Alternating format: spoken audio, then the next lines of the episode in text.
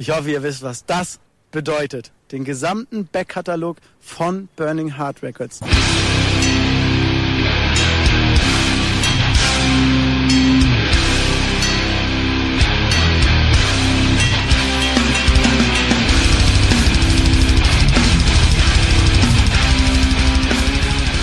Då var vi tillbaks nere på noll avsnitt 30. Lite minijubileum här. Ja. Eh, Välkomna tillbaks Daniel Nätterdal och David Olsson. Stort tack. Tack ska du ha. Hur mår ni en dag som denna? Fan. Var på Ja. svensexa igår. Skapligt sleten. Ja, den satt sig lite på mina stämband också känns det som. Hoppas att det ska funka ändå. Jag tänkte säga det syns, men vi har ju faktiskt precis avslutat en eh, intervju som ni kommer få höra senare i avsnittet med Bubs från Burning Heart Records som är aktuell igen med eh, en återstart av Burning Heart Records och eh, vi ja, har en lång intervju med honom lite senare men Först ska vi väl gå igenom, eh, som vanligt då, vad som har hänt sen vi Hänt spelade in sist. Och det, ja, det är tre veckor sedan. Eh, och jag tänkte börja lite med och eh, prata om den här Death Crusher Tour som vi var på. Eh, där vi såg eh, Carcass, Obituary och Napalm Death och... Voivod inte att förglömma. Ja, just det, just det. Så, Eh, jo, vi såg lite. Ja, precis.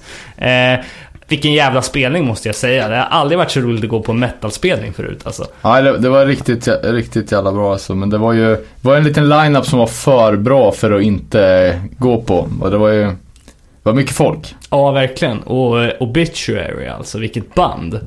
Det Ja. var... Det var den stora behållningen. Ja, det så jävla... Napalm Death var också riktigt bra tänkte jag. Ja, Ja, det är kul med ett band som är så politiska i den, i den metal-klicken liksom. Det brukar vara ganska mycket headbang or die liksom annars. Men det är verkligen... ja, nej men de är ju krossade liksom. Ja, verkligen. Nej, kul som fan. Eh, Lite besviken på att Carcass bara körde två låtar från Necrotism, Descanting the Insalubrious, som är min absoluta favoritplatta. Det var lite för mycket sådana här um, Iron Maiden-låtar. Jag var, jag var lite förberedd på att du skulle säga lite besviken på att Carcass bara spelade två timmar. För det var typ så. Och det hade kunnat varit det du sa. För jävlar vad länge de körde. Men ja, det gjorde de faktiskt. eh, har, ni några häftiga grejer som har hänt sen sist? Uh? I livet eller i det här eh, fiktiva hardcore-livet? Ja, kan vi börja med hardcore-livet då?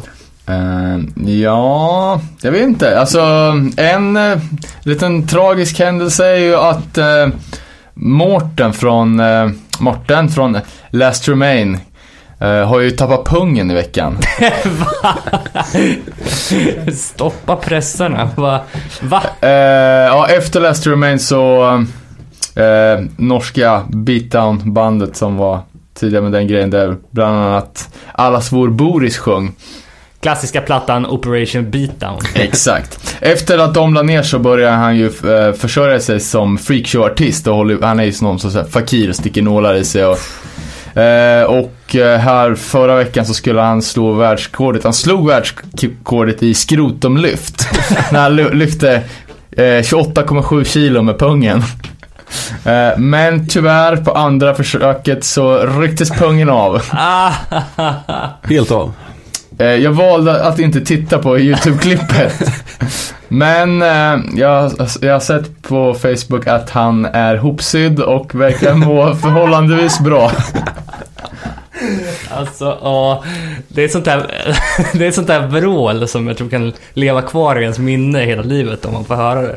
Ja, det är ett klipp man inte vill, vill ska se ens. Uh, Martin the Maniac, det är bara att uh, kolla in hans grejer. Så de de eh, plågar varandra så bloden sprutar dagligen på olika eh, föreställningar. Ja, ja spännande. Eh, något annat som är spännande är att vi har fått en liten tjuvlyssning på, på nya Ignite. Just det. Eh, vad, vad, vad, vad, vad kan vi säga om den utan att spoila för mycket? Att det är Return to Form va? Ja, det lät ju pissbra. Eh, ja, Lite det, konst, det var några konstiga grejer. Men... ja, det var vissa konstiga detaljer men annars låter det ju precis som Our Darkest Days, typ. Precis. Eh, det förstod man väl också. Jag är ju, alltså jag gillar ju framför allt det här mellanperioden i Ignite, alltså Pastor Means och Call of My Brothers. Och det kommer, det, det kommer man ju aldrig kunna återskapa. Uh, tyvärr. Uh, men även om det är, det, är- det är jävligt bra. Och Soul sjunger ju för, för jävla bra. Ja, riktigt. Han tar verkligen ut svängarna på den här plattan också känns det som. Så att, eh, Skulle de komma till Sverige? Sa han inte det? Ja, jag vet vet jag inte. Eh, jag vet att de har bokat Berlin 14 januari i alla fall. Så att, eh, Ja. eh, det är väl en sån här klassisk Europaturné. Det var inte så snyggt omslag däremot tyckte inte jag. Men det såg jag inte. Nej, jag har inte sett det heller. Eh, Men vad fan, vi var ju nära på att få intervjua Ignite också. Vi fick ju en heads up från eh, eh, Larna som, som gästade här för några avsnitt sedan. Ja, just det. Eh, och skrev att eh, eh, Brett Rasmussen, enda originalmedlemmen från från Ignite har så pressdagar på Skype eh, och jag har satt upp er som eh, intressent. Det är typ, vad var det? Eh, clo- Aftonbladet. Close-up, ja men det var ju såhär, close-up Aftonbladet, sig. så här, riktiga rocktidningar och sen Sweden Rock Magazine och såna där. Och ni som står på, som har visat intresse. Så jag bara, ja okej. Vi är ju inte direkt journalister här, men kan vi intervjua någon på engelska på Skype liksom? hade, hade vi fått, eh, fått möjligheten så hade vi såklart inte kunnat tackat nej. Men det var lite skönt att det faktiskt inte blev så. Intervju kommer i Close-Up Magazine i alla fall. Om man vill höra. Yes. Eh, jag hade eh, några andra grejer också. Eh, Suburban Scum eh, var ju lite, lite kontrovers här för, för ett tag sedan med någon, någon, något slagsmål och det var lite osäkerhet kring bandet. Men som jag förstod det nu hade de i alla fall gått ut och sagt att de kommer köra på som band. Eh, men eh, lite oklart om det skulle vara med en ny sångare eller inte. Den omnämndes inte. Så att vi får väl se helt enkelt. Men det verkar som att de som står för det instrumentella i bandet kommer fortsätta i alla fall. Så att det är gött för de som gillar Suburban Scum. Eh, sen så såg jag att, och det här är kanske lite för, för finsmakarna. Eh, det, jap det japanska gamla hardcore punkbandet Deathside ska haka på den här Burn-vågen och vad det nu heter och, och återförenas och spela lite datum igen. Så att eh, det kan vara intressant för de som, som känner, känner till Deathside. Jag har aldrig hört. Är det Nej, de var tydligen ganska nytt eller gammalt? Det är gammalt va? Ja, aktiva 87 till 94 eller något sånt där. Eh, och släppte ett gäng eh, LPs. Eh, diskografin finns att googla fram. Men de är i alla fall eh, aktuella nu med, med någon slags återförening. Så, eh, så Ja. Lite nya skivsläpp också. Eh, DLK har en platta på G, jag har det. De de har släppt en eh, ny låt. Intresseflaggan är... Jag vet inte, alltså det är många som gillar DLK och det nya. Eh, min intresseflagga är väl inte sådär jättevajande men... eh, Nya Twitching Tongues. fan, det det, känns är som, väl för fan inte nytt. det känns som att vi pratar om nya Twitching Tongues varenda avsnitt. För mig är det en ny. Ja, Ja, då drar vi den ett varv till då. ja, men det är nytt för mig. Ja. Vad? är det något annat som är men nytt har för vi, dig har vi pratat om det? Ja, kanske vi har. Ja, massor med gånger. Ja, det har vi. All right. Eh, men har du något, några intryck från den eller har du Jag blastat? tyckte det var jävligt, jävligt bra. Ja. Nytt och bra. Fem av fem, okej. Ehm, sen såg jag att det kom en eh, ny låt från Discharge. Det var ju lite otippat. De har signat upp på Nuclear Blast. Eh, och jag har släppt en video på en låt från uppkommande platta. Okej. Ja, det lät jävligt bra. Det var ju alltså mer hardcore än vad man kunde tro. Alltså sån hård hardcore som, man, som en annan gillar. Mm. Eh, inte riktigt den här burkiga produktionen som man kanske hade förväntat sig, men eh, inga, ah, lite mer hardcore än vad man förväntar sig. Samma svinbra röst och sång, så nej, det, det kommer nog kunna bli riktigt fett. Så ett annat nytt band som heter Malice at the Palace, har ni hört talas om det? Nej. Nej. Ja, det, det, alltså namnet låter ju, det bara skriker i metalcore och omslaget var också så här eh, jävligt metalcore. Men det var ju typ tuffing hardcore. Det lät Aha. jävligt bra. Det släppte på Six Feet Under. Vad, vad heter de sa du? Man? Malice at the Palace. Okej. Ehm, och fick lite kickback-vibbar. Ja, men fett. Det är ju alltid kul med folk som låter den stilen av Mm, leva vidare. kanske inte klockrent kickback, men ändå lite åt det hållet. Det var ju absolut inte metalcore i alla fall. På, på tal om tyngre hardcore så, eh, där man blir otroligt sugen på att åka på efter att ha sett line-upen nu som har avslöjats är ju Concrete Fest. Eh, Ja, det är med engelska. Ja, precis. Eh, 27 till 29 maj i Birmingham. Eh, lyssna på det här. Bent Life, Steel Nation, DCA, Cold Hard Truth. Eh, och det här är bara fredagen. Eh, lördagen, Power Trip, Misery, eh, Late to Rest Cornered, eh, Higher Power. Eh, ja, Det låter jävligt nice. hur mycket bra band som helst. Eh, jag tror det dock är samtidigt som Gråsrock dock, om jag inte minns fel. Men ja, när sa du att det var? 27? 27 till 29 maj i Birmingham. Intressant att de har relocatat till Birmingham då, för de, de har ju kört i London tidigare. Ja, okej, okej. Eh, just det, World of Pain också. Ja, det är sjukt. Eh, nej, men det är en hardcore-festival att hålla utkik på efter. Eh, helt klart. Så såg jag att apropå World, World Collapse, de tyska, vad fan man ska säga, avantgarde hardcore nissarna har släppt nytt. Take it apart. Ehm, jag vet inte, lyssnar ni något på, har ni lyssnat något på dem? Nej, ingenting. Nej. Um, ja, jag, jag, har inte riktigt, riktigt bestämt mig om jag tycker det är bra eller inte. Det är ganska konstigt. Ehm, de gör jävligt snygga, snygga grafiska grejer så det blir lite såhär uh, estetiskt tilltalande i alla fall. Okej. Är det något flum eller? Ja men det är såhär techno lite och lite... Ja de blandar rätt friskt. Mm. Eh, sen såg jag att det var nytt annonserat för, från Battalion of Saints. Eh, att de ska släppa nytt på Southern Lord och uh, uppmärksamma lyssnare kanske kommer ihåg att vi pratade om Battalion of Saints i och med att alla i bandet hade dött. Här från det här avsnitt. Eh, så jag vet inte fan hur det här ska gå till. Hur ska det gå till? Det är ju kanske en av årets mest intressanta releaser då i så fall. Ja, nej men tydligen så var det ju faktiskt eh, sångaren i original-line-upen som, eh, som tydligen hade, hade hållit sig vid liv. Och det var även han som var med i den här eh, Battalion of Saints AD.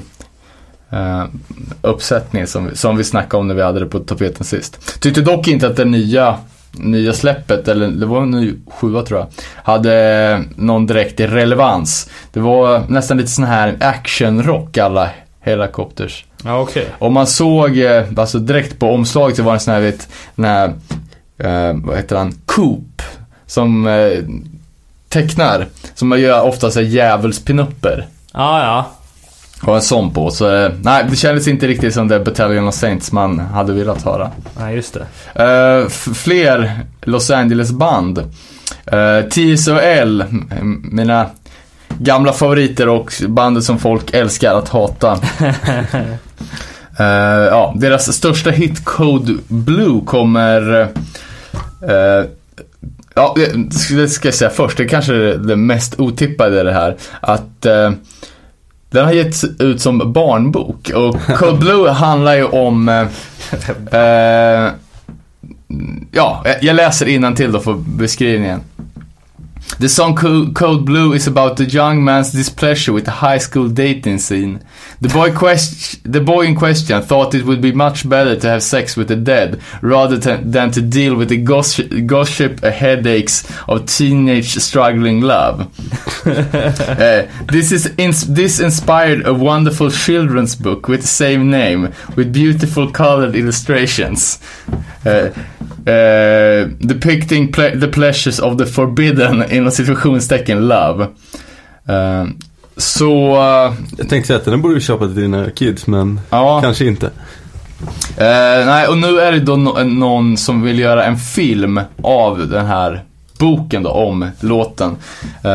Så, om... eh, Lycka till får man säga. Ja, eh, det är inte så ofta det ser ut barnböcker på temat nekrofili.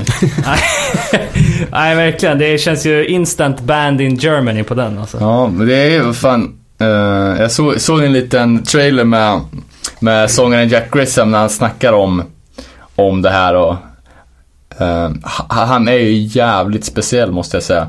Eh, jag har hört många intervjuer med honom, alltså de typ så med ett skratt på läpparna så beskrev det som typ såhär, vi var lite crazy då, men vi var typ såhär a bunch of eh, grave robbing rapists. typ såhär ja jag vet inte fan. Så, Sjukt. Ja.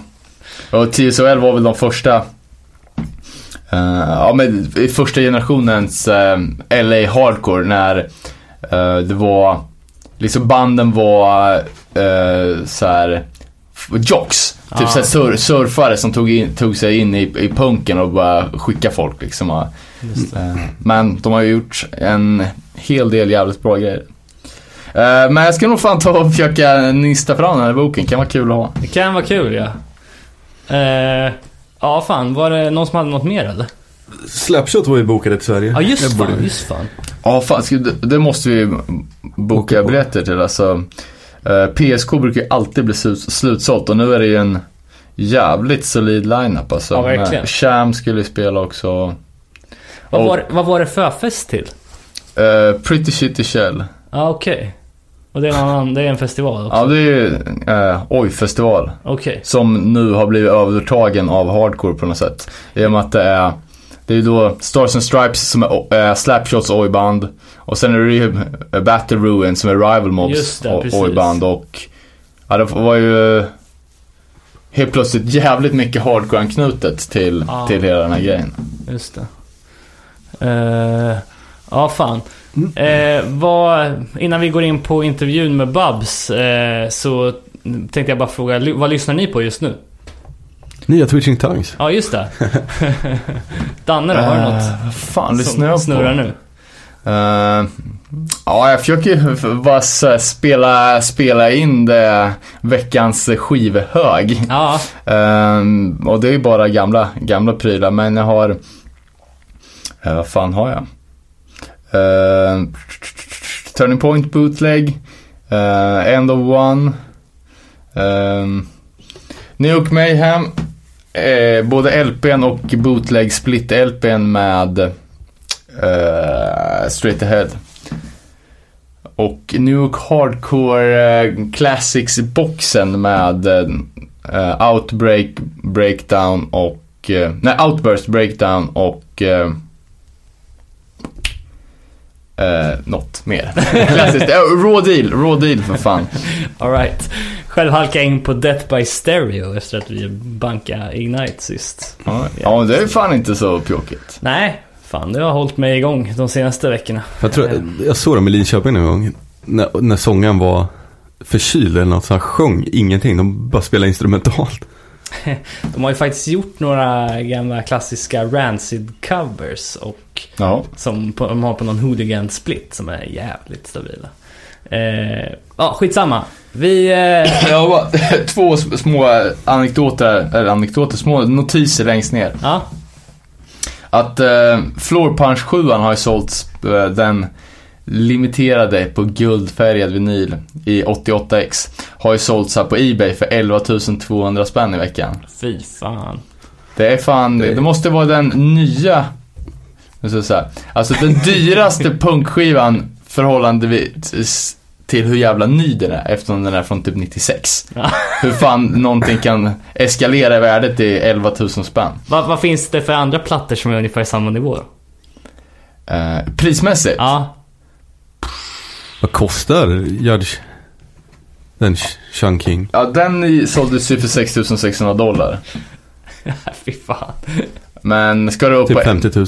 Ja, 44 tror jag har räknat det. Men ska du upp på 11 000 spänn, då är det ju liksom en... eh, Warzone. Nej, de blir inte så dyra. Men det är ju en, en första generationens hardcore-klassiker, så du kan ju få ett, två stycken eh, Nervous Breakdowns för Mm. 11 000.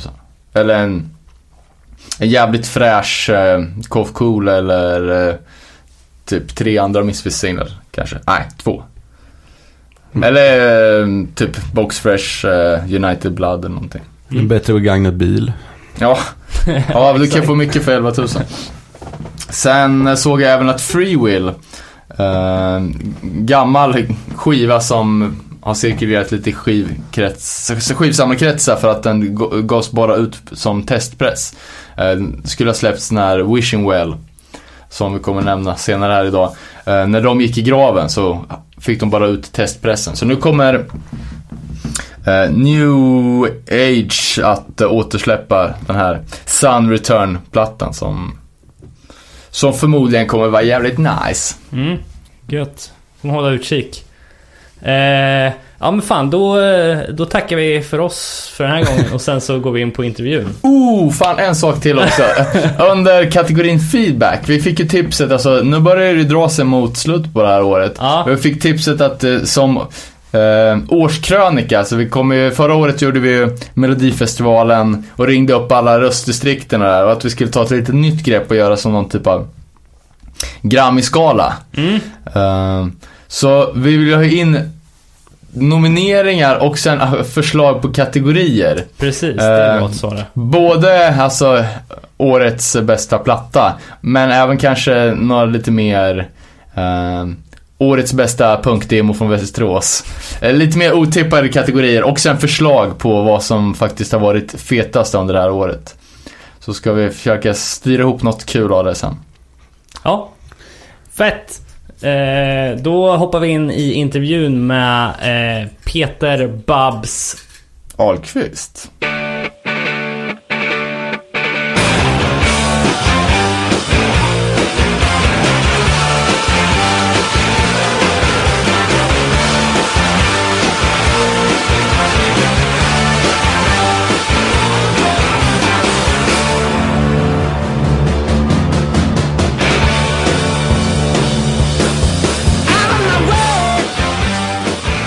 Ja men bra, men då är vi igång. Eh, dagens huvudnummer. Eh, Peter Babs Ahlqvist. Vi hälsar dig väl, hjärtligt välkommen till studion. Tack, tack. Skönt- att vara inne i värmen här. Ja, eh, precis inkommen från en hockeymatch. Hur gick det? Nej, nej, ingen match. Träning, sonen. Ah, Så okej. det, det var inte så hardcore. Det var lite grann. Man började tacklas lite grann då. Nej, men det var bra. Det är skönt att vara inne här i alla fall. Faktiskt sett fram emot. Schysst. Eh, och Danne, ja, eh, ska vi dra en liten presentation av honom kanske? Eh, ja, ehm, det, de allra flesta känner väl ehm, Babs som eh, grundare och bas över Burning Heart Records. Mm. Eh, ett bolag som ingen som har lyssnat på punk har, har kunnat undgå.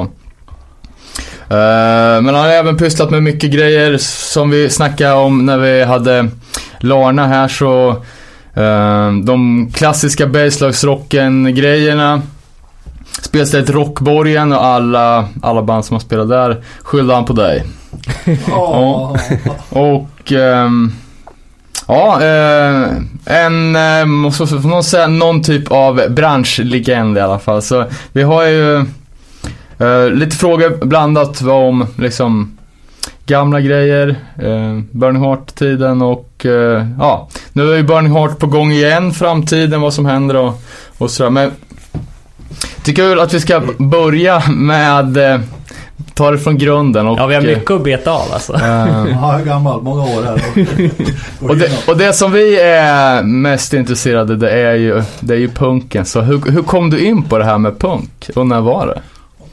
Alltså, det är ju, ja, det är ju verkligen rötterna, helt klart. Och eh, nej, men vad ska man säga? Jag började lyssna på musik sådär fruktansvärt tidigt och var verkligen intresserad när jag var 9-10. Och lyssnade på sådana här gammal före-punkgrejer då. Eh, som mina grannar spelade och lirade. Det var Sweet och det var Black Sabbath och Nasaret och ah, fan vad det var. Liksom allt möjligt där och Runaways. Och sen kom det väl Eh, Ramones lyssnade jag på även då 75, 76, Kiss och sådär. Men jag fattar inte, det var inte punk då. Ramones ansågs inte som punk. Det var bara en platta bland allt, allt annat. Och sen, eh, sen rullade det på och eh, ja, punken kom ju där 77 någon gång och man tyckte det var lite häftigt men man fattade inte riktigt vad det var. Utan det var väl först kanske 78 jag började liksom förstå lite vad punk var. Poster och Okej körde ju sina affischer och man tyckte Ja. det var lite häftigare än Kiss helt plötsligt. Och, och hur, hur gammal var du då? Ja, jag är född 65 då, så jag var väl 12 kanske, ja 12, 13. Men, men sen, sen vet jag att det började liksom, jag började lyssna på, jag kommer inte ihåg liksom vad som var första punken, men att det är klart det var Ebba och Korsembi och Beach Boys och lite sådana här svenska band.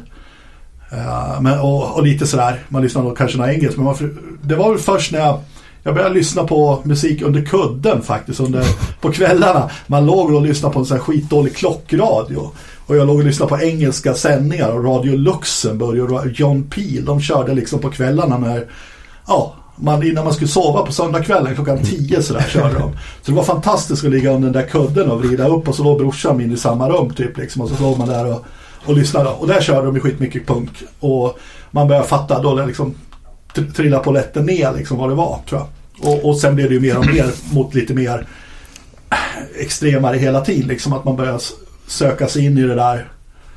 Ja, först var det bara att köpa skivor, sen kommer man in i någon slags scen så att ja. säga, lite senare då. Men hur, hur stor var punken i Sverige så typ 77-78? Alltså, alltså jag var inte riktigt med då. Jag kom in då så här 79 kanske riktigt. 78, klart man, man lyssnade på punk då också men, men 79 då började man ju fatta det där och började liksom förstå.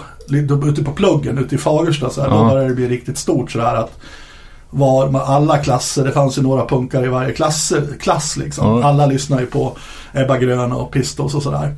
Mm. Så var det ett litet, litet gäng som var punkare då, riktiga, riktiga punkare och sen, sen kanske redan 80 någonstans, 81 då började det bli lite mer hardcore-punkare liksom, eller inte hardcore men att liksom folk klädde sig lite mer det börjar bli lite mer nitar och läder och hela den faderuttan då. Ännu mer så att säga, liksom, inte den första generationen utan en, en ny generation då. Right. Men, men jättestort. Nej, svårt att säga, det var ju inte stort. Det var ju det var ett litet antal. Men det är klart att Ebba Grön, alla sådana här grejer drog, drog folk. Men annars var det ju ganska liten, ganska liten grej liksom. Minns du någon tidig platta som du fick tag i då? Eller något speciellt band som fick in dig på den här liksom lite mer hårdare falangen av punk då? Ja, Ja, alltså Champ 69 tidiga. Det var ju det som liksom fick igång det på något sätt. Att det var liksom lite hårdare och lite på ett annat sätt. Och, och, och likaså rätt så roligt, jag vann en pingisturnering i Fagersta. Eh, och då fick jag prischeck. Jag fick något så här fantastiskt, det var HSB pingisturnering. det låter inte så, men det var faktiskt alla som var bra i, i stan med och spelade. Så jag vann över alla mina, mina polare som också spelar pingis då, seriöst alltså i juniorlag och så. Och, och då fick jag in och pris här. Då fick jag, och det var så roligt för vi fick några så skitdåliga pingisracket tillsammans med nät. Och vi hade ju racket för, ja, vad kostade de? 700-800 kronor redan på den tiden. Eller 600-700 i alla fall. Så det var så här, vad fan liksom, vad, vad, är det här? Men då gick jag ner på Domus och böten där mot en Chem 69 och en Yuki Subs-platta. De tror jag kostar 59 spänn 49, 49 till och med. Och där någonstans, i den vevan så börjar ju punken, det börjar komma lite nya band. Eh, så man börjar förstå att det finns inte bara Pistols och Clash och alla de här. Utan det blev, det blev vid, färd vidare så att säga. Jag blev intresserad av skivaffärer och började liksom käka upp, ja, börja köpa plattor helt enkelt på ett annat sätt efter det då. Börja spara till skivor. Och där, Champ 69 absolut, men sen tror jag liksom att två jätteviktiga plattor är väl liksom Dead Kennedys Fresh Fruit Rotting Vegetables och sen tror jag första Oj-plattan, en samlingsplatta som kom där. Och man ska se sådana här plattor som man kände att här finns det någonting bakom. Det finns ja. mer spännande plattor där ute liksom. Just det. Mm. Men när du började känna liksom att det fanns en, en punkscen. Eh, det fanns, eh, fanns det några städer som man visste som var bra eller var det? Alltså inte först, i början då var det ju så här lite, vi var i Fagersta och man vågade inte. Man var ju så, så ung då, 15, 15 kanske. Och eh, 16, vi, jag vet att vi åkte till Västerås men vi vågade knappt liksom hänga med dem för de var kända för att de var så tuffa och hårda, liksom, Västeråsarna. och vi hade skinna oss där liksom och gick i Västerås. Och, alla ville bjuda in oss på fest och vi tänkte, nej men fan, vi, ska vi bara gå dit eller? Men vi åkte ju hem liksom med, med tåget och vågade liksom inte. Men Västerås var ju liksom någonstans den här lite häftiga staden, liksom tuffa, right. de tuffa punkarna till. Sen kom ju då de små orterna som Fagersta och, och Hedemora och kanske Köping då, sådana här städer som där det hände saker, där folk var lite mer aktiva liksom. Uh, punkarna i Västerås var lite mer, ja, inte på Sören ska jag inte säga, absolut inte. De hade ju sina band också så att säga. Men ja, vilka just, band var, är klassiska? Ja, TST är klassiskt. De var ju lite idoler så alla de var ju. Så den första spelningen, punkspelningen jag var på det var då TST liksom. Riktiga spelningen. Jag hade ju sett Ebba Grön och sådana här grejer innan. Ja. Lite små grejer som kunde halvpunk liksom. Men TST då åkte vi iväg till Stockholm, eller till Västerås med farsan körde tror jag. Vi var ett gäng och det var så jävla, det var, var liksom stort. Så, så ja, nej men det... det är där någonstans det börjar. Sen blev ju liksom punkscenen, Jönköping blev en bra, riktigt bra punkstad. Men det tror jag var 83, 84 först liksom. Då började det bli mycket, mycket spelningar där man åkte iväg på. Bara. Gav, gav du dig själv in i, i musik, eh, musicerandet på något vis? I form av att spela i band eller någonting sånt? Eller? Ja, alltså det är några, alltså jag har ju en, en, jag har ju faktiskt spelat ett band och det var ju väldigt kortvarigt men vi, vi hette faktiskt Dickheads. Och det var ju liksom, ja namnet är ju lite så här, men det var faktiskt en blandning mellan, eller blandning mellan ska jag inte säga, men jag tror att Dix fanns det ett band som hette. Och så var det ju då liksom att, eh, jag kommer inte ihåg någon de sjöng Dickheads, Dick, ja men MDC där tror jag sjöng någonting sånt där. Och eh, vi startade ett amerikanskt hardcoreband. Det var ju liksom, vi skulle köra Boston-scenen liksom. Det var ju planen då. Vi hade med oss två killar från Crudesses var med. Och så var det jag och en annan kille som hette Julius.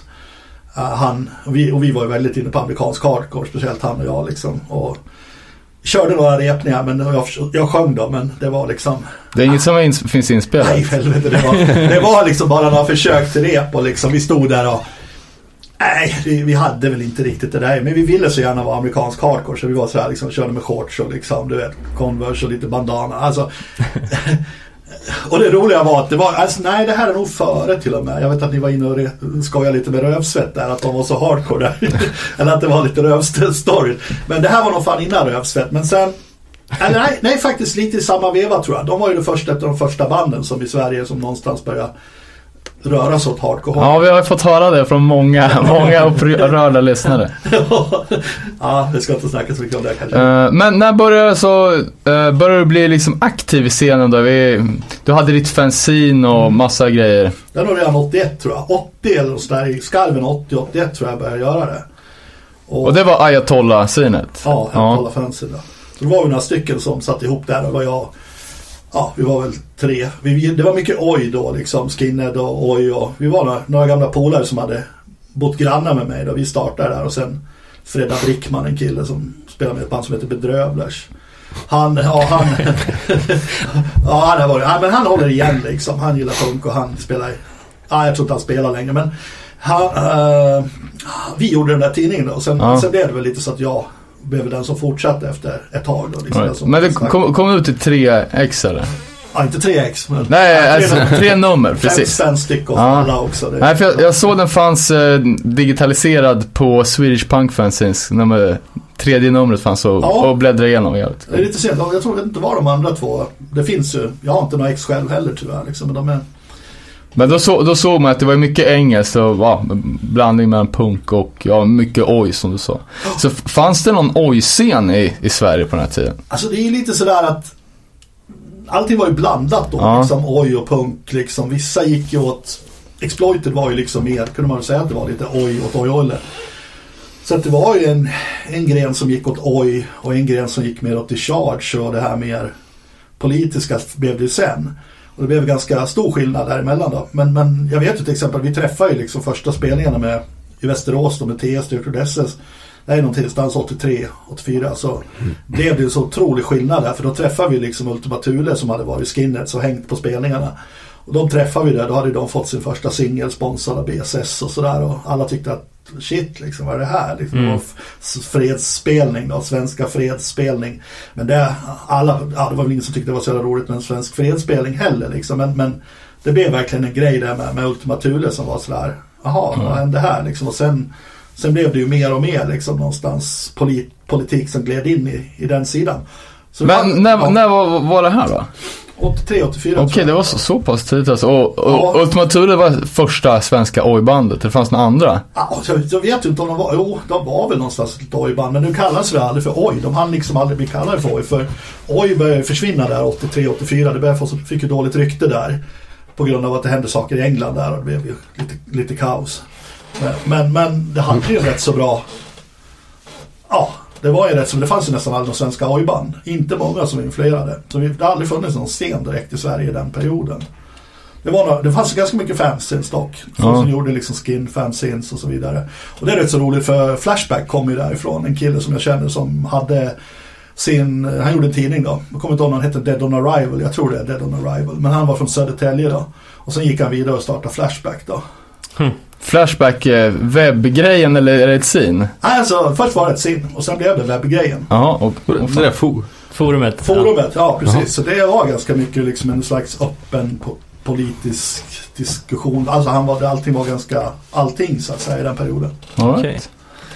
Eh, sen uh, nosar vi på uh, Uproar Records. Eh, och att du började släppa, släppa plattor. Vad var första släppet? På Uproar. Ja, eller eh, som du var Ja, ja, ja, ja. huvudet Jo, involverad såklart, i. Det är Crudesses då, Crudesses EPn, första singeln där. Som vi gjorde väl ihop det, jag tror vi delade på kostnaderna och sådär. Och den kom ut på Upro då. Så det här är ju någonstans, jag tror han kom ut i skarven 83-84 liksom. Så det är första, absolut första release. Det kom en kassett innan tror jag med Asocial och Bedrövlers, men det var ju en, en kassett bara. Liksom. Ja. Eh, jag har hört någonstans att du har spökskrivit texter åt Crude. Stämmer det? Ja fast det var, alltså jo, ja, ja, ja men spökskrivet vet jag inte. Alltså, det var ju bara det att jag skrev texter. Jag tror inte vi dolde det så mycket Ah, okej. först i alla fall. Men sen kom ju skivan ut. Det stod inte namn. Jag tror inte, jag tror bara det stod Crudesses på. Så jag skrev väl en tre, fyra, tre kanske texterna på skivan tror jag. Och sen skrev jag några till som de använde tror jag. Eller kanske bara någon till som de hade till en grej. Så det var ju lite så liksom att eh, de, de böt ju lite inriktning där först och sen kom nya sångaren och så hade de lite texter så då skrev jag lite så. här. Men du måste väl varit ganska ensam med att distribuera sån typ av punk i Sverige på den tiden? Ja, alltså, när började, alltså nej, alltså det är rätt så roligt för det var ju några som höll på och är ganska gamla, samma generation. Uh, det var ju dels Fredrik Holmgren då, som har Star Treks. Han höll Okej. på, han hade ett fanzine. Han är ganska ung, han är bara, jag är, jag är 65 och han är 69 tror jag, eller 68, kanske 68 eller 69. Så han var ganska ung, han körde ett fanzine och sen körde han igång med lite distribution och var ju den som drog igång det först. Lite så här, han flyttade till Stockholm och drog, startade butik och liksom. Mm. Så han låg ju lite före. Okej. Och, alltså, och, och sen fanns det ju Birdness då förstås som körde skivbolag och han gjorde också ett fanzine, Per Granberg då. Han är också lika gammal som mig tror jag. Och sen hade du liksom även, de tror jag väl började lite senare men ja det gjorde de ju. Distortion och de här. Dolores Ja, det, ja. menar. Dolores. Men eh, Isse kom ju bord mycket senare liksom. Men Dolores var ju en, en stor butik då, ungefär som Sound Pollution som låg i Göteborg. Okej. Och de var också jävligt bra, väldigt framme så att säga. Men det var väl kanske jag, Gran, jag och Fredde Holmgren som hade mest. Vi sålde ju utländska grejer liksom. Faktiskt. Och sen fanns det ju skivbutiker som importerade mycket. Då, men vi, vi importerade och ja, allt möjligt amerikanskt. Och sen även började vi med metal, liksom, Nuclear Blast och de här grejerna Mm. när de var unga. Liksom. Vad, vad gav du ut mer för plattor under Uproar-etiketten då? Alltså det, det blev inte så jättemycket men det blev väl, alltså som kom ut, det var väl bara Vikings are coming. Klassisk punksamling. Ja, lokala band liksom lite sådär. Ganska fult omslag och hela. Men det blev lite klassiker sådär faktiskt. Eh, Happy Farm är en singel. Lokalt band också. Mudda med i bandet. Mudda Johansson. Jobbar ju på Burning Heart sen. Eh, sen eh, Riff och en... Ja, jag tror jag släppte en Casuro på Uproar också. Och sen var det väl lite sådär att jag släppte några Astreber, sådana här singlar och Mob 47 och Protesbänk lite sådär. De, Ja. de, de kom ut som liksom, eh, de låg inte på Burning Heart men de återpressades och jag sålde dem via min distro liksom. Så. Alltså, Ja, ja det är ju det är tu- tunga svenska Ja. releaser. Ja, Mob 47 det är lite så här roligt. Jag var i, vad fan var det? Var jag i Las Vegas nu senast så står man bakom en kille med Mob 47 rig patch och står i bensinkön och han har den där på sig och det var min polare som bor granne som ritade den där. Det är lite så här, alltså han är, det är så jävla roligt att man liksom ser en sån där och så kort, ja den perioden så att säga. Ja, verkligen. Sen var du ju eh, engagerad som bokare också. När började du sätta upp gigs Ja, då? ja, alltså det är en väldigt kort del av, alltså jag har inte gjort så mycket faktiskt. Jag har ju, alltså jag har hela, hela grejen med Rockborgen förstås. Ja. Men sen gjorde jag väl lite turnéer åt, eh, en Toms första turné gjorde jag och den är jag liksom lite stolt över. Så här, det är lite kul, så här, cool grej då. Då var jag lite på väg, var turnémanager och sådär åt dem och väl, försökte väl bli manager åt dem men de hittade någon amerikan där i den vevan då. Första plattan, andra plattan, Clandestine. Vart tog den turnén er? Ja, det var hela Skandinavien då. Sen, Okej. sen vet jag att vi var i Norge och hade Mayhem som, som DJ så... Vad fan. Det måste ju varit sjukt. eh, Alltså när de var höga, högaktuella eller unga i alla fall. Ja men det var det verkligen. De hade, han hade, de hade hoppat fått in den där andra sångaren. Det var ju lite strul. Ah. Men de var jävligt heta där. Vi höll ju på där och... Ja, det var ju hon, vad heter hon, Camilla Henemark var som Ja, just det. som var- ju med i videon och grejer. Ja, nej, men de var ju lite sådär nöjesguiden och alla gillar ju dem. Det var liksom, de hade stöd, ungefär som Refuse lite grann att hela, de var ganska etablerade i media ändå liksom och alla gillar dem. Så att, det var lite kul. Det var, det var ju första metal-turnén som liksom gick genom Sverige kan man väl säga. Så vi var ju, ja, kan ha varit 12-15 spelningar och sånt där. Det var en lite kul grej. Ja. Eh, Men ro- men Rockborgen då? När, det var 80-tal. Ja, slutet på 80-tal. Och vilka spelade där? Oj, 88 är första året tror jag, första spelningen. Och så, jag kommer inte ihåg vilka, men det var ju liksom en musikförening vi hade då som var, ja vi ska köra allting för att stan skulle bli nöjd och kultur, ja, kulturutbudet skulle bli bra.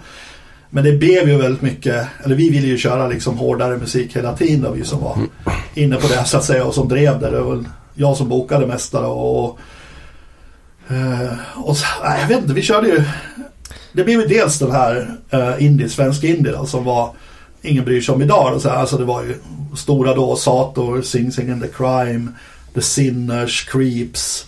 Nej, Sinners spelade aldrig, men, men, men det blev ju metalen och till viss del hardcoren som var våran grej då. Vi hade ju UFO Today, måste jag ju nämna här då Ja. Som var en fantastisk grej då. Bodde ju de hemma hos mig, hela bandet där och Sammy låg där 12 år eller vad han nu var och hade fått med sig lite hårgelé och låg och fixade håret. Nej men det var, han, han fick plats i min tvåbäddssoffa. Nej så det var lite kul och, och Ray gick omkring och körde, vad heter det? Med mantrat. Ja, mantra med radbandet. Så jag fick faktiskt en, en Krishna-bok av honom när jag åkte därifrån. Men, ja. och så min polare han fick ta hand om Lethal Aggression var ett band som var med på samma turné. De söp och rökte braj så härliga till. De bodde bara ett hus nedanför och där var det fest kan man säga. jag tog sig från Happy Farm också så att ja. men, men, eh, men det är ju mest, det var inte så mycket hardcore. Accused spelare, det kan man väl säga att det var lite hardcore och det var ju ganska dött på, alltså många band vägrade komma till Sverige då för att det var liksom, eller vägra, det var svårt att ta sig upp, det var lång resa och Ja, ja, men det är lite samma problematik som, som Ja. finns fortfarande. egentligen, absolut. Så vi hade väl Poison Idea bokade vet jag också, de fick ställa in då och sen hade vi lite andra band, men det blev mest senare tror jag, efter 90-talet så körde vi lite, lite mer, då hade vi DOA, DOA körde vi också, man säger att det är hardcore. Det måste man väl göra. Ja. Ja, Hardcore 81 är ju för, hette ju första plattan som alla säger kanske skapade hardcoren så att jag vet Ja. inte. Men, men sen, eh, alltså hade vi ju Leeway, vi hade DI och vi hade Seven Seconds och ja, eh, jag kommer inte ihåg. Men det var ju, det var Shelter också hade ja. Men sen, och sen, men sen själva, själva Rockborgen, det var ju metal. Det var ju det som var att vi var först där med Sepultura, Sodom, Creator, Death Angel, Forbidden, Holy Moses, Atheist. Alltså det var, det var jävligt mycket plus alla svenska band, Napalm Death, Carcass och allt vad det var. Just. och DRI, DRI spelade också då, så det var en schysst period alltså i en fantastisk lokal. Det har ju ni aldrig varit tyvärr. Nej. Nej. Så det, alltså det var så här 400, alltså vi fick ta in 350 då men vi hade så här 650 där liksom. och då gick det inte att röra sig liksom. Det var verkligen, jag tror det var någon sån där konsert, jag kunde inte ens komma in på konsert knappt. Jag tror knappt jag var in en meter liksom. Jag stod bara ute vid Ja, riktigt, riktigt packat och fantastiskt bra för att alla som jobbar ju där var ju så jävla inne på hardcore också så att det var ju mer stage dives från, från de som jobbar än den som Ja. Plus att vi hade en jävligt cool grej där så vi hade ju scenvakter som var ninjor. Okej. Alltså, ja, alltså det är lite roligt för att det var ju, de var ju, var ju ninja-tränade killar då. De tränar ju ninja då, Ja. av grabbarna. Och de, eh, alltså när vi var så mycket folk så flöt ju de omkring. De kunde ju ta sådana här steg ut i publiken. Alltså de kunde Det är en på- tidig headwalk alltså. Ja, ja, ja. De gick ju på axlarna eller på, så för att liksom ta sig någonstans. Vi körde ju rätt så friskt med att de var ninja också. Men den var ju lite smidiga. De var rätt så bra på att få en kille att gå av scen genom ett litet knyck på, på rätt ställe så att säga. Men det var en sån där legendarisk grej. Då. Vi hade tror, fyra stycken tror jag som var Tränare. Utklädda eller? Nej, det var de inte. Som, Det hade funkat. Jag tänkte lite Marauders-sticket. nej, men det var, det var en sån där grej man kommer ihåg. Liksom, just att det var ninjavakter. Ja exakt, det, det skapar ju ingen bra, bra respekt. Liksom. Man, vill inte, man vill inte bråka med ninjan. Nej, nej. Kaststjärna i plocket. Händer det några, eller några speciella Rockborgen-grejer som, eh, som, ja men något kul anekdoter typ. Jag har hört någonting om surströmmingsattack mot Carcass Ja, den, är- den, jag tror jag var med och insinuerade den. Det var ju liksom det att de, de körde ju det där, vi måste ju göra någonting så att det märks. Det var väl BDA hette de då, redan då tror jag, Casiuro som hade ett, ja började ha ett hobbyband då, som skulle köra lite snabbare. Lite, var väl lite influerad av grind kanske. Och, och, och då öppnade ju de en surströmmingsburk där och Carcass körde med sina likgrejer men var ju veganer eller ja. Så det var jävligt, det blev lite otrygg stämning faktiskt. Och, och, och jävligt olukt, eller vad säger man? Jävligt o, Det var inte roligt. Vi fick öppna upp portarna rätt så bra där. Och Ja, exakt, det är ett skämt som är bättre i teorin i prak- än i Ja, praktiken. jo, jo, helt klart. Och sen, sen enda roliga, alltså det hände väl skitmycket roligt så här, men, men eh, just det här med, jag vet att DRI var jävligt pissade också för att vi hade ju de här It's okay not to drink tröjorna. Vi, hade, vi var ju rätt så, det var ett tag där vi tyckte att liksom hela Ja, men det, det som att säga, positive youth, positive, hela det här med Youth of Today och Seven Seconds framförallt kanske liksom var influera ganska mycket Ja. då. Och eh, Unity att göra en bra grej kring, kring Rockborgen och, och lokalt och sådär. Och då hade vi It's okay not to drink tröjor. Och då, äh, då vet jag, DRI var jävligt upprörda för det. De körde just It's okay to do heroin tröjor hade de fixat till där. jag vet inte. Men det hände väl inte så jävla mycket. Det var ju grymma spelningar liksom. Där man, vi var till och med under, liksom, ni ska ha sett under huset. Det var ju ett gammalt hus. En gammal biograf för som var mycket porrbios och grejer i. Så det är en klant, klant, fantastiskt ställe liksom. Men då under där så var det ju grunden. När vi körde då skakade det. Det var liksom så att bara, man nästan hörde, man såg hur det liksom ramlade Shit. grussten liksom. Så där var ju så att man bara shit, undrar om det brakar idag. Men, men Det klarar sig. Ja, ja, det klarar sig. Men sen, ja, när var det de, för de rev hela kåken sen? Ja, eh, kanske 90 gjorde vi, eller 89, slutet på 89 eller början på 90, sista gig. Och jag vet inte om det var GBH, jag kommer fan inte ihåg vad det var. Men, men eh, nej, vi försökte ju köpa det där och, tillsammans med lite andra föreningar och så här, göra om det till ett ungdomshus liksom. Men eh, det följer liksom, tyvärr. Hmm. Det var ingen som vågade ge det till oss. Och. Men om du skulle sätta fingret på liksom hur punkscenen såg ut där sent 80-tal, tidigt 90-tal i Sverige. Liksom. Det var ju nästan som att ni, ni var ju ganska tidiga med Rockborgen men sen kom det ju en del andra festivaler efter det. Vad, alltså Bergslagsrocken är väl en sån där... Ja, det, det känns ju som, alltså, jag vet inte, det enda som jag vet om från den tiden, men eh, det kanske fanns massa an- andra, Nej, alltså, det gjorde inte det. Fyra, fyra stycken eller kanske. metal. Ja. Det fanns inte mycket. Det var ju Hultsfred och så var det Dalarocken framförallt. ja, just det. Dalarocken var bra. Ja. Men det var inget, de hade ingen punkinriktning. Och sen hade man väl kanske någon festival i Köping, Rai Rai tror jag den hette. Och lite små försök överallt. Men att det som gjorde väl oss specifika var just den här inriktningen på hårdare musik då. Alltså vi, vi gillade väl det från början men först i början fick vi liksom ja, hålla på liksom och ta in lite lokala band och lite för att alla skulle bli nöjda liksom. Ja. Ja. men vi har det här bandet, det är pop liksom och ja, liksom sådär. Men fokuset var ju ganska snabbt på, på tuff hård musik. Ja, okej. Men och hu- hur, eh, hur gick det då liksom? Det, är ju, det går ju att dra ihop en bra, boka bra band, men liksom, Mm. gick, det, gick det runt? Nej, alltså jo men alltså det var väl Alltså det var ju från år till år. Alltså vissa, jag skulle vilja säga att det var här, hälften gick ju plus och hälften gick minus. Då. Det var ganska mycket så faktiskt. Att det var, var aldrig att det gick skitbra eller aldrig att det gick jättedåligt. Men något år torskade vi väl rätt så rejält och sen nästa år så gjorde vi väl lika mycket i vinst. Ja. Så att det var det var väldigt så. Det var, vi hade inga jättekostnader. Alltså idag är det ju löjliga pengar liksom. Eh, som klassiker är liksom att vi bokade Green Day och Radiohead för 14 000. Ja, Har ett av banden. Det kan man leva på liksom. Så att, eh, men, men, men. Och vi var ju liksom där och sneglade på. Vi snackade med Red Hot Chili Peppers. Det var, vad fan mer, Pantera. Hur, hur, om jag får bara avbryta en snabbis, hur, hur gick de kontakterna till? För jag menar nu, man mailar liksom, Mm. men på den tiden fick du skicka brev eller ringa till någon bokare i USA eller något skivbolag? Eller? Ja, alltså, vissa band bokade jag helt själv då, för det var så här, Morbid Angel så flög vi över. Alltså, det var ju första spelen de gjorde i Europa tror jag. Det flög jag över då för att tänkte att de visste att de var på gång och så bara shit vi måste ha något bra band och sen ja, testa att ringa liksom. Så det, vissa grejer var ju så, Exploited eller vad. Man ringde direkt till banden. Men, Mm. men, men oftast var det via Tobbe Lorenz då som är agent på Motor? Ja, Agency idag. De har till och med bytt namn. De heter, vad heter de? Jag kommer inte ens ihåg vad de heter längre. Men, men han bokar ju Millen och Hives och A Day to Remember och allt Okej. möjligt idag. In Flames för Skandinavien. Han är ju stor agent. Eh, han var ju, hade ju sitt bolag då. Och, och satt själv tror jag i Malmö och tog in band. Så vissa banden kom till Malmö och sen kom de till Fagersta. Så jag tror att, jag är inte säker, men jag tror att UFO Today lirade Malmö. Och Carcass liksom om det var eh, eh, uh, Napalm Death eller Carcass om det var han eller hur det var. Jag törs inte säga.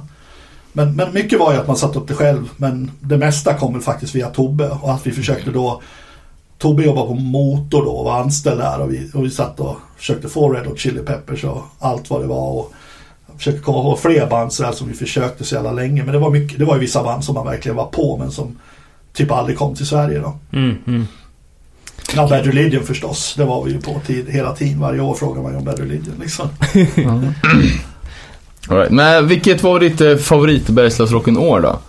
Åh, Antingen line-up-mässigt eller hur liksom, tillställningen blev. alltså. Jag kommer inte ihåg vilket som är vilket faktiskt om man ska vara ärlig. Alltså, jag tror att det på slutet när det blev mycket hardcore och sådär. Det var ju de åren som var bäst. Sen även det året tyckte jag var rätt så schysst där med Ride och Radiohead och New Model Army och så vidare. Det blev ju ingen succé dock, men det var ju lite sådär Shit, vi måste... Vi hade KSMB och New Model Army, Levelers. Hade det varit liksom på ett annat ställe hade det blivit jävligt mycket folk. Men många drog sig för att åka till Fagersta. Vi hade inte ens camping liksom. Det var ju det. alltså hade vi haft camping så hade det varit jävligt mycket stort. folk där. Ja, vi var, problemet var ju att vi var en endagars. Och många åkte ju bara, bara dit och hade svårt med transporten. Och det Ja, var ja. någon som var mest, mest inne i det liksom som tog sig dit. Hade vi haft camping då hade det blivit jä- jävligt mycket bättre liksom.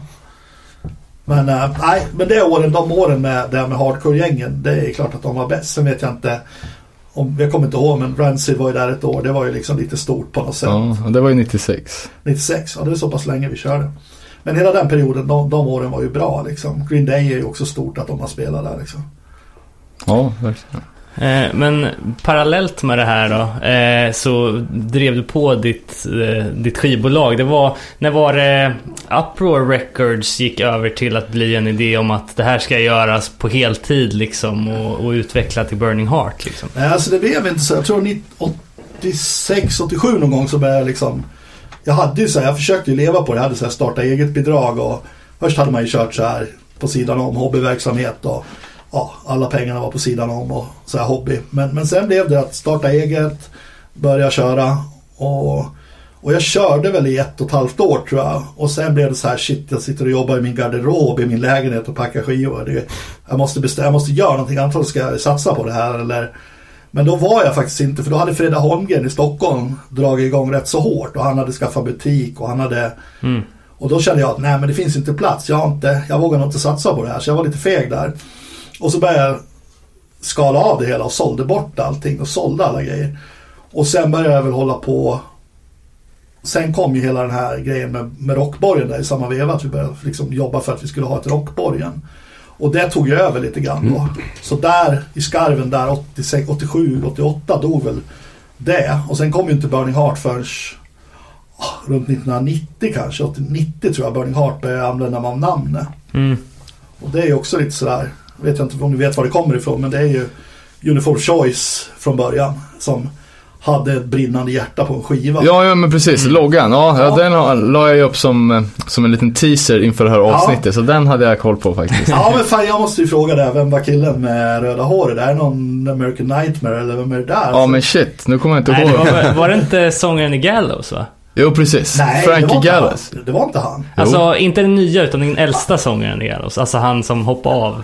Och Ja, sen... Frank. Nej, det där var inte Frank. Jo, För helvete. jag googlar på, på bilder på Frankie Gallows i alla fall. Jaså? Men, Man ser ju bara, men har han något kors där vid... vid ja men det har han. Han såg ju så galen ut. Han såg, jag har inte sett honom på länge i och för sig. Jag kanske... Nej. Nej, jag har inte sett den sen han spelade i Nej Gals. men han har, ju- det här var väl en ganska ny bild och han har ju sunkat ner sig liksom. Han har ju tappat håret och blivit lite halvtjock och... På riktigt? Ja. Alltså, du är lite förvånad om det han. Ja, ja. Men det gick inte så bra för han efter att han hoppade av Gallows Men han har ju lite nya band då. Det är faktiskt en, jag var på spelning, skulle se honom i Berlin och jag kom inte in på spelningen.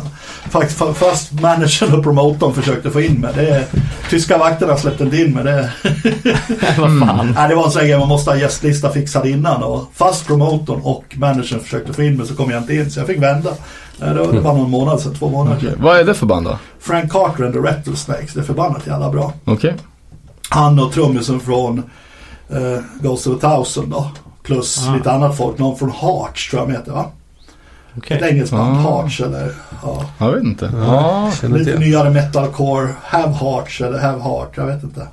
Ja, ja de är, det är ju från Boston. Nej det är inte dem, det är ett annat band som, undrar om de heter Hearts. Ja. Alla heter ju något sånt där. Ja. Ja, nej, vi ska väl eh, gå in på lite både på metalcore och på scoutande för, för olika band.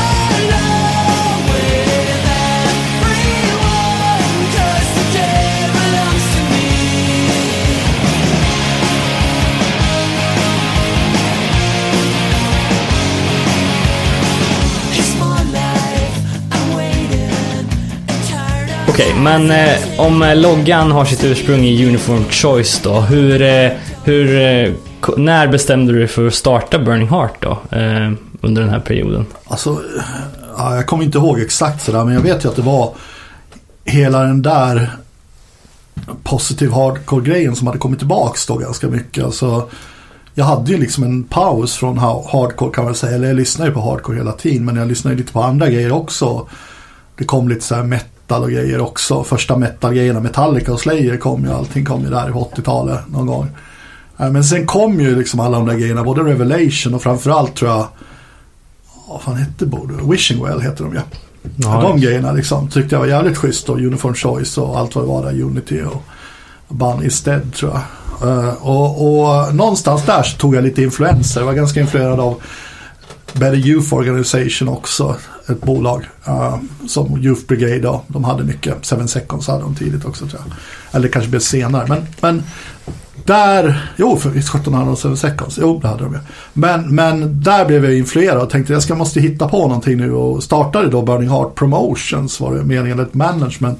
Det var meningen liksom att jag, allt jag gjorde skulle heta Burning Heart. Uh, och gjorde liksom lite turnéer då. Uh, jag tror liksom en tomd turnén, jag tror inte den hette Burning Heart men det var det fanns då, jag gjorde en tidning som hette The Burning Heart som kom ut till Bergslagsrocken varje, varje år kom det ett nummer som var liksom lite intervjuer och lite presentationer och allt möjligt där.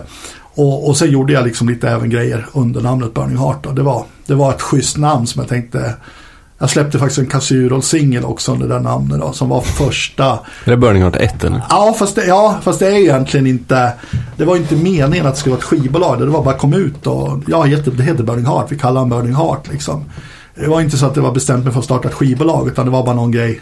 Ja, vi sätter min logga på det liksom eftersom det är management och så vidare.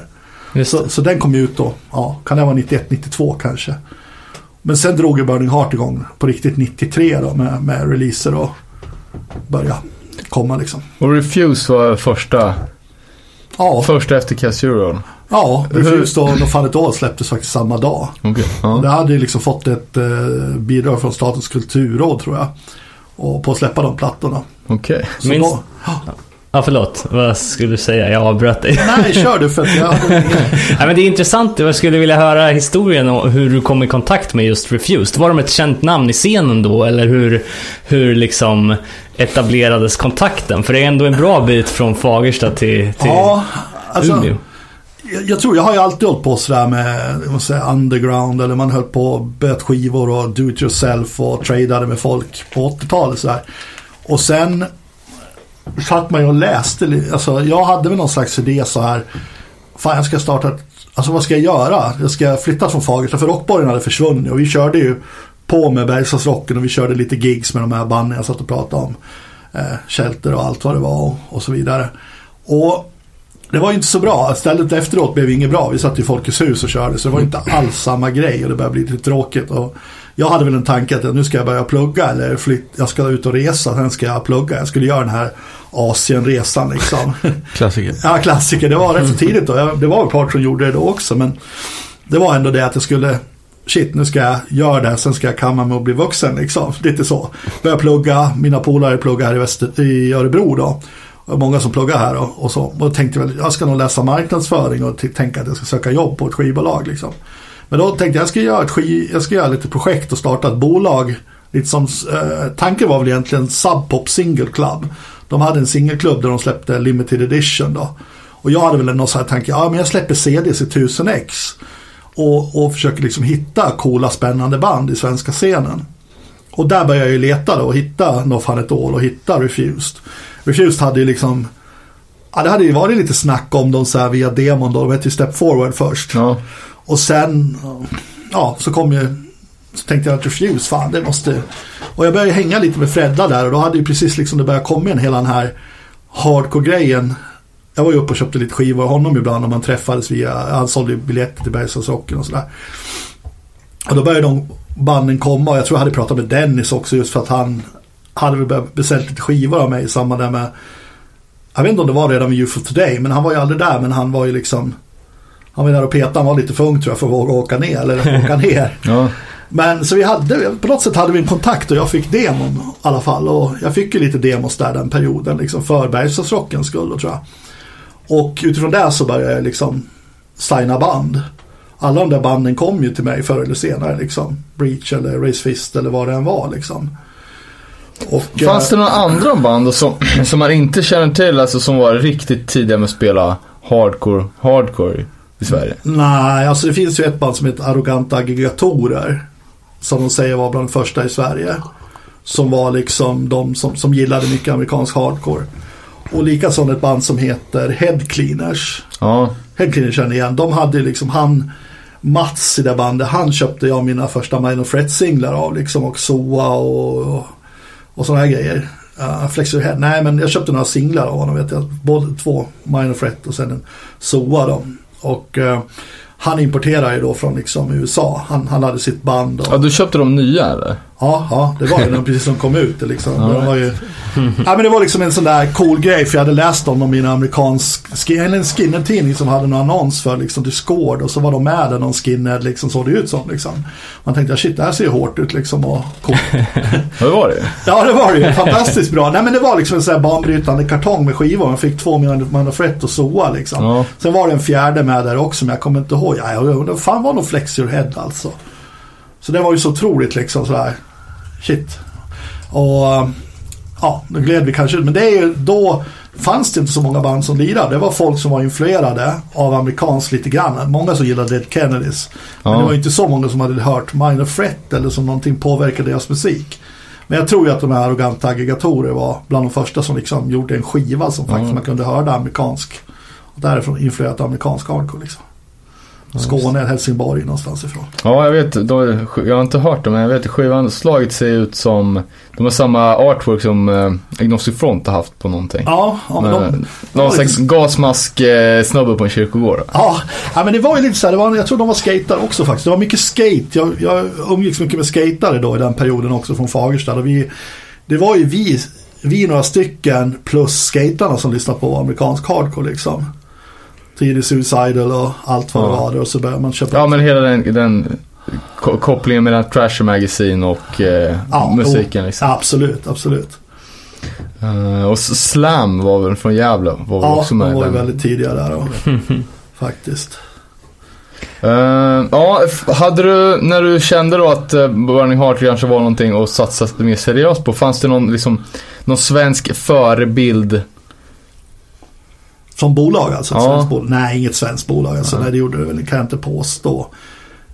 Eh, Nej, det var ju andra bolag utomlands som var Ja, jo, ja, jag tänkte om eh, liksom, eh, inte, inte riktigt så här, katalogmässigt vilka band och så här, utan mer att det kanske faktiskt är möjligt att kunna ha ett punkbolag som jobb Jo, i jo, Sverige. Jo, alltså först trodde jag inte det. För först skulle jag bara göra det för att liksom... Jag hade Varför inte den ambitionen. Jag skulle Nej. ju bara göra det för att sen ut och resa då. Men sen så blev det ju ganska snabbt. eh, att det blev på riktigt då. Och, och vi sålde ju som fan av min, eller framförallt No Fun At All. Även Refuse sålde ju men No Fun At All sålde ju mycket. Och sen hade jag ju, släppte jag Maryland där också då som... Inte sålde lika mycket. Nej, men några tusen tror jag vi sålde faktiskt. Ja. Vi hade sådana här smarta idéer då. Vi, alltså då gick ju folk, vi sålde ju, vi ordnade ju releaseparten på lite olika ställen så att alla som gick in fick en skiva och vi tog hela inträdet och det blev liksom, det blev ekonomi i det hela direkt då. Ja. Och då var ju alla faktiskt glada att få en CD. Det var ju liksom, de tog ju faktiskt hem den och lyssnade på den till och med liksom. Och, och det var ju en värdefull skiva i deras samling liksom. Så att folk lyssnar ju rätt så bra då på skivorna. De, Ja. man, man tog hem dem och ja, spelade dem, spelade järnet ur dem liksom. Ja men det var ju en helt annan eh, nivå på musikkonsumtionen. Man hade ju inte så lika mycket Alltså Nej. lika mycket låtar så att då lyssnade man ju på det som man hade och verkligen gav det en chans. Ja, om man liksom attention spammen överhuvudtaget tror jag att man orkar faktiskt lyssna på en hel skiva då och, och satte på den liksom. Och, och sen, sen kom det så jävla rätt Burning Heart med hela CD-grejen kom ju där någonstans att folk, den börjar nå ut i butikerna, det börjar startas mer och mer skivbutiker också tror jag faktiskt. Det var en väldig våg och det började komma skivkedjor framförallt och det var därför vi började sälja så mycket. Eller att CD-skivan ökade för att det kom mer och mer kedjor också då. Men äh, det här äh, alltså mini-CD-formatet, när jag tänker tillbaka på det så känns det som att äh, måste vara jävligt tidig med det. Ja, alltså det fanns ju inte den motsvarigheten i USA på samma sätt. Det är klart det kom ut någon CD-singel. Ja. Men det var väl där vi gjorde som blev rätt. Vi hade mycket låtar som var liksom, ett- det blev ett slags mellanting mellan ett album. Ja men precis, Och, precis. och det blev ju mer ett album som man säger, No Fun At All Visions liksom, eller 59 Blind Indian Hate. Ja. Och så sålde vi det för 40 spänn liksom. De kunde kosta 49-59 i butikerna. Det tyckte ju folk var hur värt som helst liksom. Och på gig sålde vi det för 40 liksom. Det var ingenting. Nej. Alltså, Nej. och det var nog det lite som lyckades med att vi fick ut det så bra också i början för att folk köpte som fan. Förut hade man inte köpt en singel. Det kanske inte har känts värt liksom. Men nu, det var enkelt att konsumera. Stoppa in en skiva där och lyssna på fem sex låtar liksom. Och det, ja det kanske är lagom liksom. Sådär. Istället. Bättre, Ja, ett bra format för att få folk intresserade av ett band tror jag. Kände var det då i alla fall, när CDn kom. Ja, ja, det känns... Eh, Nu orkar man bara lyssna på en låt kanske, men, men uppenbarligen funkat. Ja. Ett, ett annat smart trick tycker jag och det är många som, som man pratar med i min uh, umgängeskrets när man nämner Burning Heart så säger de direkt ah cheap shots. Eh, just det här med att samla, att det blir en compilation-grej liksom. Eh, vad- hur föddes den idén? Att, Alltså, ja, men det, är- alltså, jag, jag ska nämna några bra grejer vi gjorde för, som, förutom den då först. Och det var ju att vi, vi kom så rätt med CDs där. Så vi, dels var det ju skitmycket butiker som sålde biljetter till Bergslagsrocken som sålde våra skivor samtidigt. Så vi ställde ut liksom lådor med Refused och Fun It All. Och när folk gick in och köpte biljetter då tog man ju med dem där liksom. De flög ju med två skivor direkt. Så att det, det gick ju som smör de där plattorna liksom. Och sen nästa, ja kommer det inget nytt? Och jo det kom helt plötsligt 59 och Millencolin och alla Mindjive och allt vad det var. Och sen hade vi releasepartyn då, liksom, där alla fick en skiva när de gick in. Så halva stan hade ju skivor. Det blev liksom Skateboardbutikerna sålde över hela Sverige. Den grejen var ju skitstor. Snowboard, skateboard. mm, Så, så det blev en fruktansvärt bra spridning på ett, på ett skönt sätt då liksom. Eh, och sen då Cheap Shots, ja den kom ju också där relativt tidigt i alla fall. Och eh, det var väl samma där. Du fick ju jävligt mycket låtar för pengarna. ja, Ja, och bra musik liksom. Och, och Burness hade gjort det där innan. De hade gjort sina, vad heter de då? Definitivt 50 spänn. ja, just Ja, det. just det, Ja, just det. så det var ju lite det. Vi ska också göra den och Epitaph hade sin Punkorama och sådär. Så det var ju senare då? Jag tror Chipshot kom lite efter. Jag tror Punkorama Okej. redan fanns. Men det är ganska, Jag tror de hade hunnit släppa en innan vi släppte våra, men det är inte, det är ganska samtidigt ändå tror jag. Faktiskt. Uh, sen gick det ganska snabbt från en garderob i Fagersta till, vad jag, fick det till 15 anställda på kontor i Örebro som mest. Liksom hur, hur, berätta lite om den resan liksom. Alltså först var det ju jag som körde då och hade, skulle ut och resa och ha med resa, apropå resa. Men sen gav jag ju upp den idén ganska snabbt för det kändes shit, som du sa, här har jag någonting som kan funka. Bergslagsrocken gick ju också bra. Det var jag ser liksom att okej, de här banden hänger samman. Vi ordnar spelningar med dem och så tar hit dem, släpper plattorna. Det kommer att bli bra liksom. Men sen var det väl egentligen att jag satt på tåget till, du frågade om jag hade förebilder i Sverige som bolag. Det var väl egentligen att jag satt på tåget med, med Granberg på, från Burnest. Vi träffade på varandra i, på väg till Stockholm. Och han gick ju ruskigt bra där med Dia Salma och allt vad det var. Och egentligen så bjöd ju han in mig för att liksom börja jobba. Vi startade helt enkelt ett bolag ihop då där vi bildade ett aktiebolag ihop. Och då, vi, jag flyttade till Köping och började jobba. Och jobbade ju åt dem med att skulle exportera musik, då, exportera deras grejer och driva Burning Heart.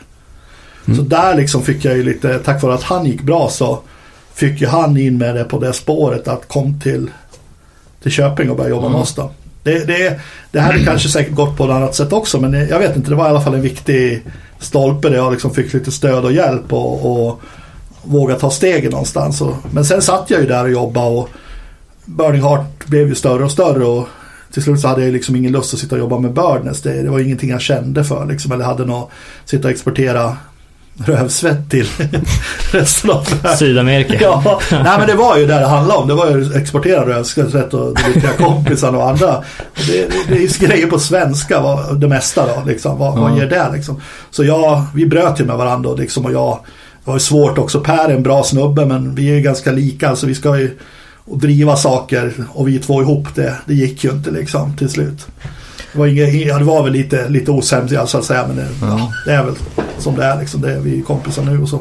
Jag fått för mig att när Karta 77 gjorde den här eh, punkmusikalen var det väl, som också var en CD.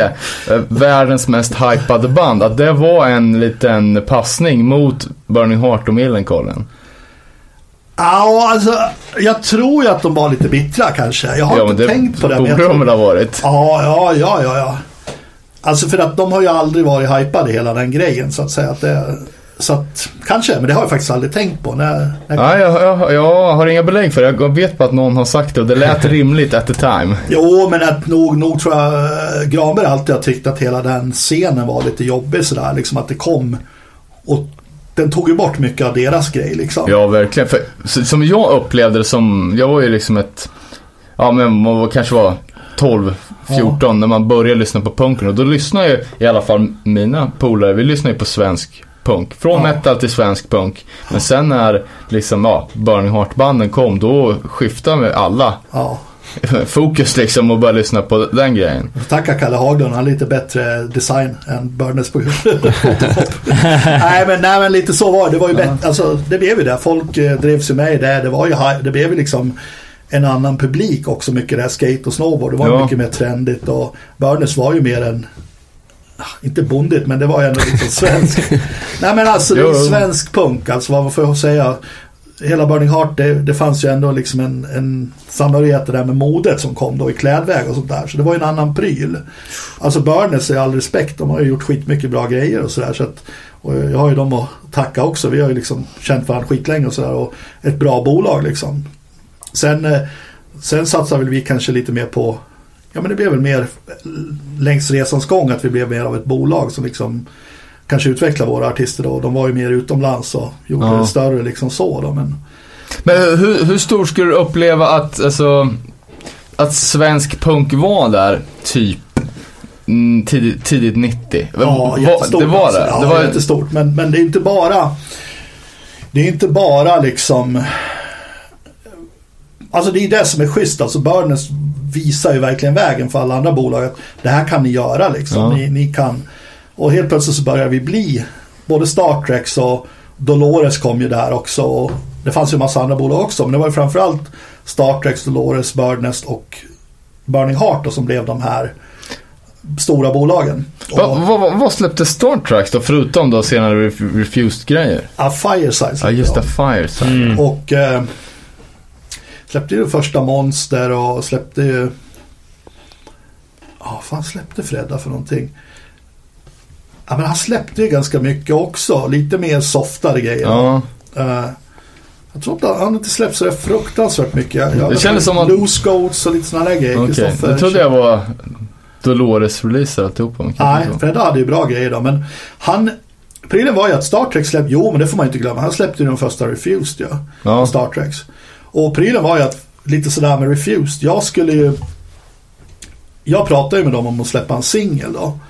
Och då hade ju Fredda redan bestämt sig för att släppa album med dem och bli någon slags manager åt bandet då. Och det köpte ju de liksom, han var ju i Stockholm och det var ju mycket större sådär. Eh, men jag lyckades ju få släppa singeln då genom en slags, ja men vi kör så. Ni kan släppa singeln på Burning Heart först och sen kommer ni, ja sen ligger ni på Star Trek. Ja. Så det var ett så kul skede där liksom. Det skedde, båda två grejerna skedde lite samtidigt sådär liksom. Men, men punken det var, alltså det blev ju stort, det blev ju förbannat stort just i och med Green Day och Offspring där som kom ganska samtidigt. Och det var ju Epitaph som, om man ska säga internationellt, som ledde vägen som gjorde att Burning Heart ändå liksom kunde, kunde exportera och kunde bli stort på riktigt liksom. Vi, det var ju, utan dem så hade det inte hänt liksom.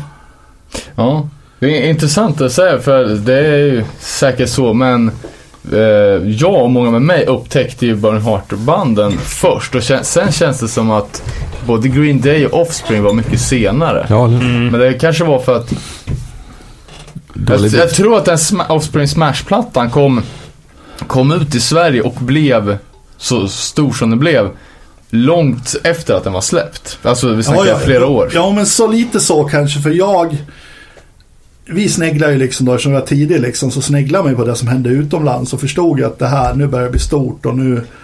Man såg ju det som hände utomlands tidigare, så därför kanske jag ser det från ett annat håll. Ja. Ni kanske lyssnar, det var lika stort med Millencolin eller någonting annat liksom. Allting annat var minst lika viktigt. Men för mig såg jag ju liksom det som hände på distributionsnivå och Ja. på, på större planet liksom. Att shit nu ökar den här distributören växer så det knakar och Burning Heart kan få de här dealarna tack vare Green Day och Offspring då. Men ja, Men blev du någonsin erbjuden att släppa någonting med, med något av de där stora, eh, nu stora internationella banden eller? Alltså det är, det är lite roligt det där så här med den klassiska Offspring-grejen som jag är ju att jag faktiskt skulle släppa en tape med Offspring 86-87 då på Uproar Records and Tapes liksom. och jag hade, jag hade ju dem och ett band som heter Clown Alley heter de. Jag knappt kommer ihåg hur de låter från San Francisco. Jag skulle släppa två tejper då den sommaren. Men så vet jag att vi var för mycket spelningar nere på ungdomshuset i Köpenhamn så det gick åt till resor och öl. och jag köpte aldrig den här liksom kassettdäcket då som man skulle sitta och Ja, ja, fixa tejpa på själv hemma då. Eh, Så jag sket i det. Det var ju lite jobbigt med kassetter faktiskt också. Så att, men det skulle släppas eh, Offsprings om det är första eller andra demo. Jag, jag kommer inte ihåg. Teheran finns det någon låt som heter där med i alla fall. Och den tyckte man var jävligt bra och sådär. Men det var ju inte så att man satt och rådigga Offspring. Det var ett bra band. Det var ett bra band på demonivå liksom. Mm. Och det var ingen som trodde att de skulle bli stora. Det var ju, fanns ju inte liksom. Nej, just det.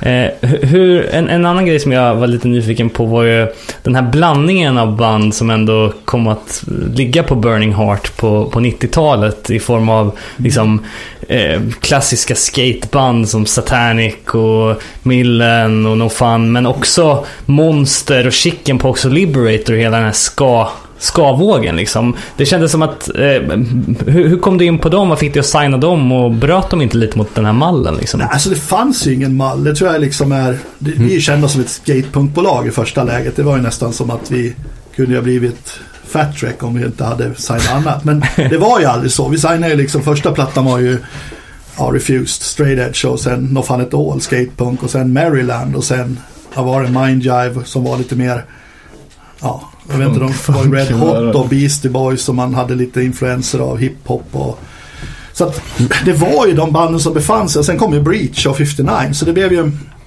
och Satanic och Puffball eller Triple A. Alltså det var ju väldigt olika musik. Men det var ju vissa band som vi blev kända för som vi var stora. Och det var ju framförallt Millen och Fun och Satanic då i Mm. första läget.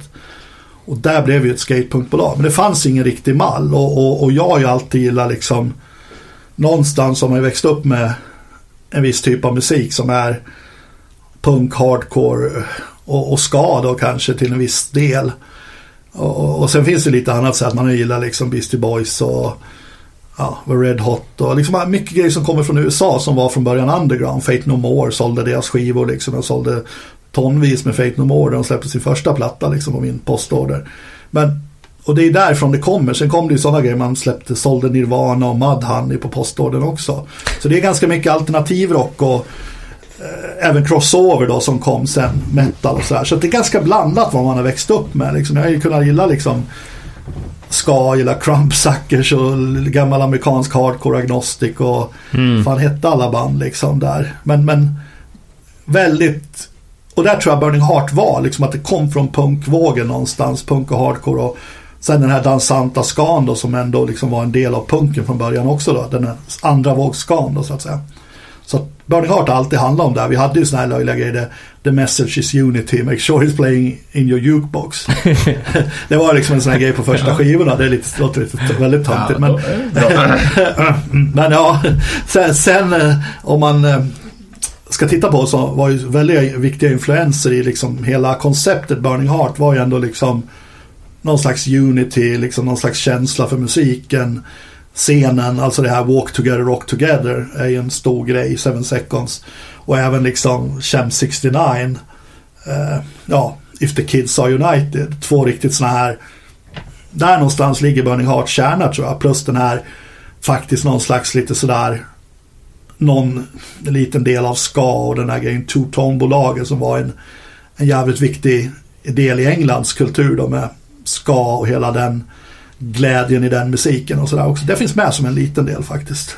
Ja, för vi, jag och mina polare, vi fattade aldrig den här ska-kopplingen liksom av vad jag tänkte var, vad, nej, för det var väl chickenpox Första första som, var, och då tänkte man, fast det var, vi tyckte att det var jävligt märkligt. Men vi var ändå, Jag tror det var någon som... jag ja. tror ändå, ändå det funkar för att de, de skulle spela på Bergslagsrocken det fanns ändå någon så här Ja, ja. någon typ av okej-stämpel på det. Det, det var, jag förstår ju att det kanske är, jag, jag har inte tänkt på det så, men för en annan var, för en annan var det givetvis självklart. Liksom. Det, Nej, men vi hade inte en susning om. ja, sen kom ju hela den här alla amerikanska band som började köra ska också då. Som, men det här var ju two-tone, det var ju verkligen, jag tror det var efter Millencolins spelning i Linköping så, ja men vi har fest, vi spelar efteråt, häng på och kolla liksom. Och då var ju det gamla på, alltså nej jag kommer inte ihåg, det var ju trummisen från Ray Teenagers. Men jag tror inte han var med då i början faktiskt. Jag, nej, oj, ursäkta, det här får jag klippa bort. Eller någonting. det kan ni leva med. Vad heter det?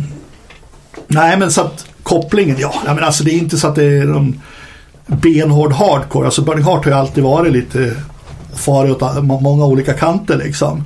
För mig är ju inte hardcore, ni är så mycket yngre. Alltså, jag vet inte, ni har ju vuxit upp med ja, Burning Heart-banden dels och sen med kanske lite mer den um, New Yorker, Ja, New York hardcore andra- andra vågen. Andra vågen. Och för en annan är det liksom, det var så jävla mycket olika band som från olika städer och från olika scener som var, som gjorde så olika grejer då.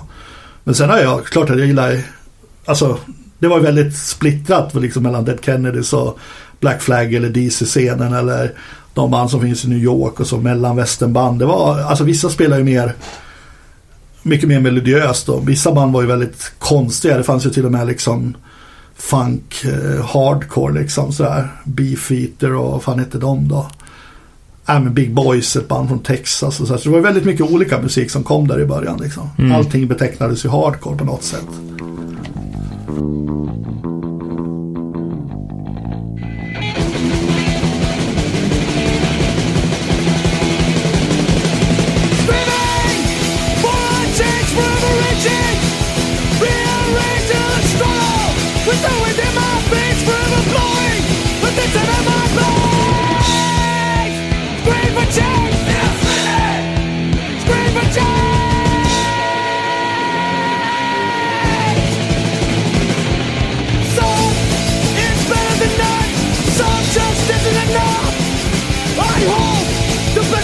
To come,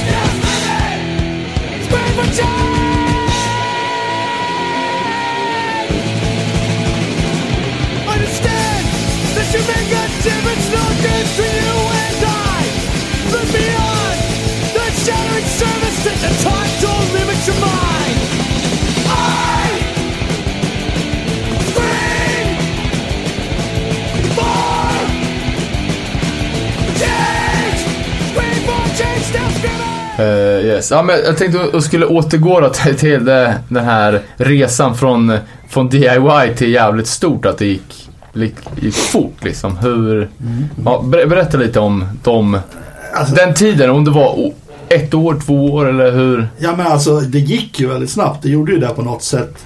Och flytten till, till Örebro också. Ja, ja, ja. ja för jag var i Köping då ett tag och jobbade med Burners där. Och eh, jag kände jag var ju rätt så splittrad där. Jag hade ju tänkt flytta från Fagersta men jag ville inte bo i Köping precis. Så bodde, hade en lägenhet i Köping och en i Fagersta. Men, eh, nej, men sen började det liksom flytta på där och det blev ett väldigt intresse för Millencolins första platta och Noffan ett år gick ju också bra. Den hade väl släppts innan. Och, och sen kom ju Millen då som att det var verkligen läge. Nu, nu är det läge att göra någonting med plattan. För vi fick ju Da Strike gick upp på radion där och det började liksom gå på ZTV och var det MTV också på den tiden. Jag kommer inte ihåg men jag tror det var mycket ZTV var det ju då som var stort. Jag vet inte om vi var inne på MTV men den började spelas på vanlig svensk radio och då var ju det jättestort liksom att ett punkband började spelas på radion. Det är klart att DLK hade spelats på radion, Dia Salma men det här var ju första bandet i den här vågen så att säga som spelades. Och då förstod man att nu är det på gång liksom. Och då hade jag ju redan, nej men jag var fortfarande kvar med Burdens då tror jag. Ett tag. Eh, och det var jag bara då och sen hade jag ju så att jag jobbade med, med en promotion, hade en promotion då som gjorde Millencolin nere i Göteborg. Samma som Burnest använde sig av. Men det var ju i princip jag då. Sen hade jag ett distributionsavtal och jag satt och jobbade mot utlandet och sådär på allting. Det var, ju, det var ju mitt jobb så att säga.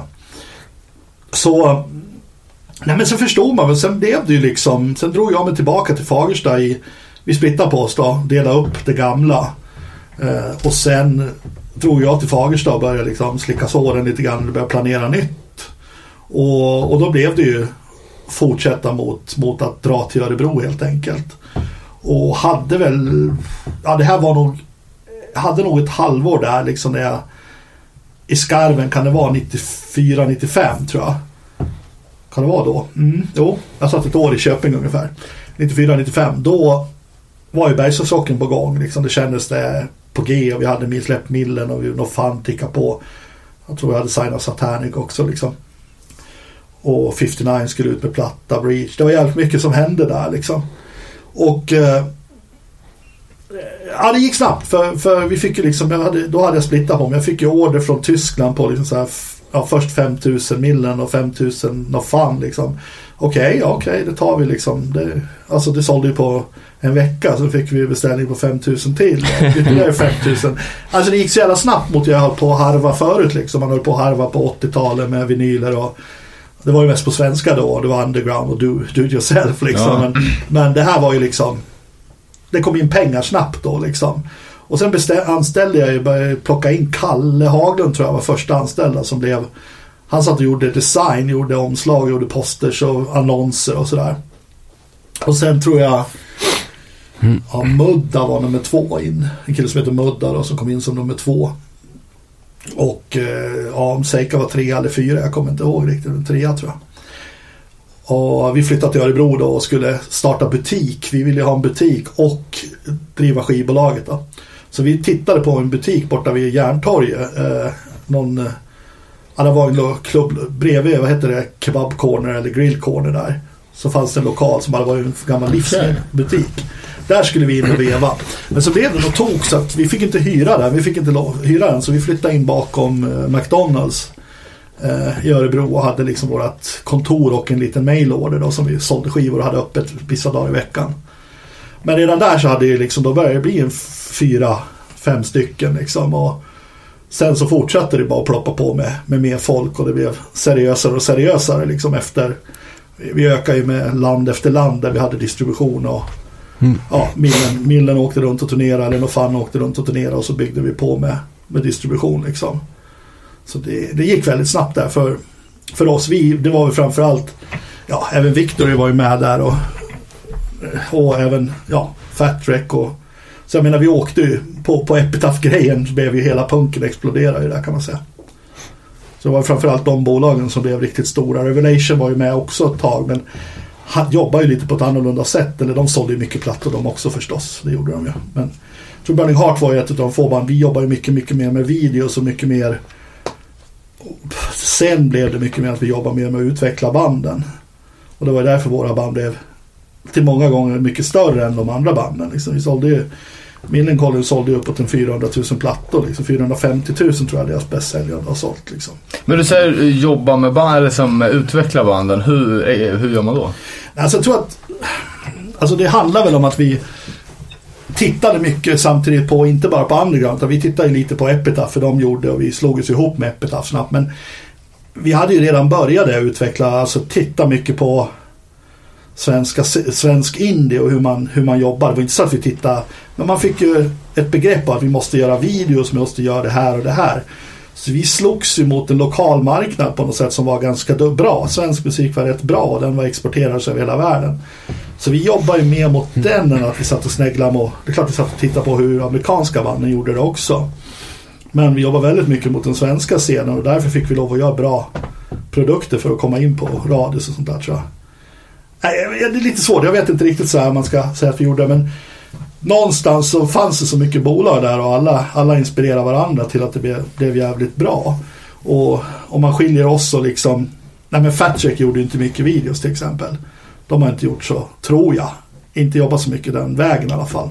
Med promotion, Fatcheck var ju väldigt mycket NoFX också så här väldigt mycket att vi ska inte spelas på radio, vi ska inte vara med på det här. Men det gjorde inte vi, utan vi ville ju bli spelade på radio, vi ville ju liksom komma på svensk nationalradio. Det finns ju ingen motsvarighet i USA till exempel. Så Nej. mycket av det, vi satsar emot mot sådana grejer också.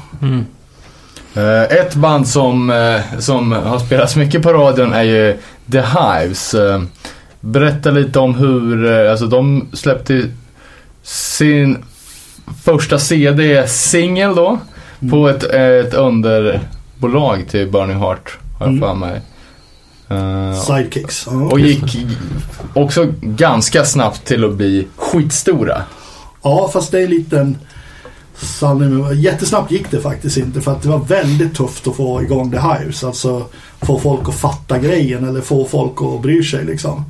Så att vi hade eh, enormt svårt i början att få spelningar åt Hives och få någon att bry sig. De var lite för coola och lite för ostöpta. De tillhörde ingen scen. Så vi hade jätteproblem egentligen med att få ut dem och spela gigs.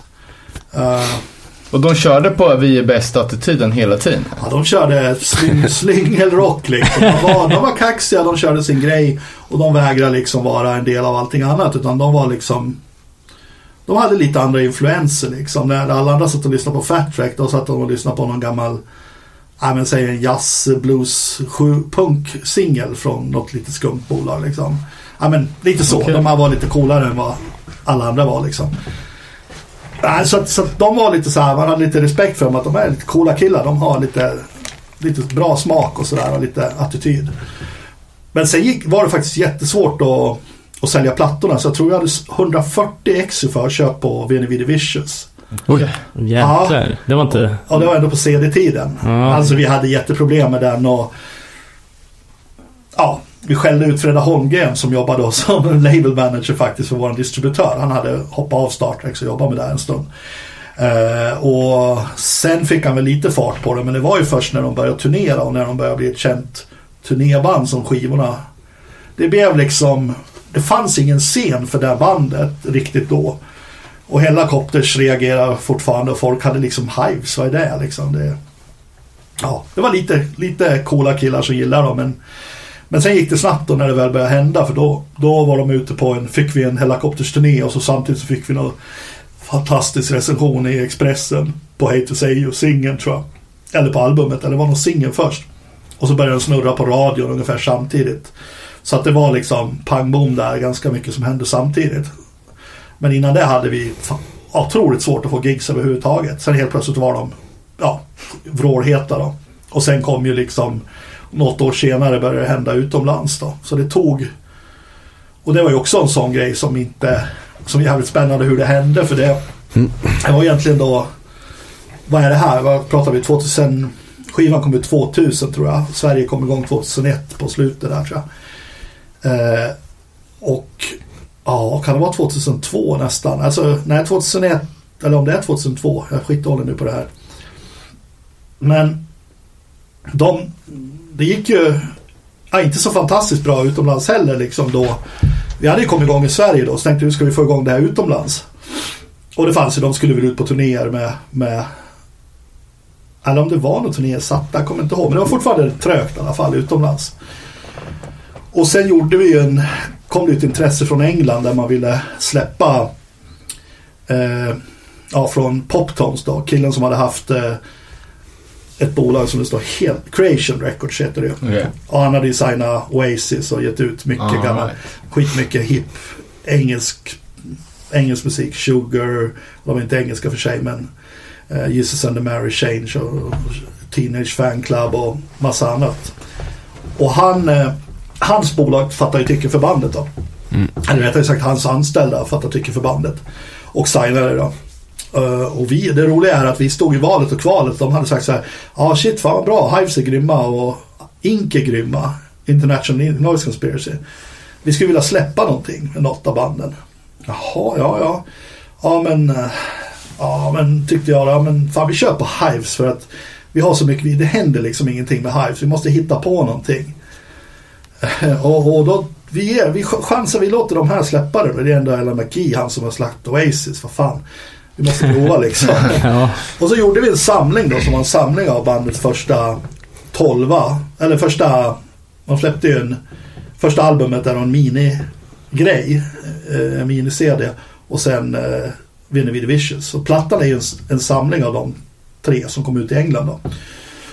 Och innan de skulle släppa den där så han var ju rätt så het den här killen. Han var tillbaka, på väg tillbaka med sitt skivbolag och man började läsa om han i pressen för de snackar mycket i engelsk press om han. Han hade, var tillbaka, på väg tillbaka med sitt bolag och, ja, och började ju snacka mycket om att Hives var världens bästa band och sånt där och, liksom, och, och så.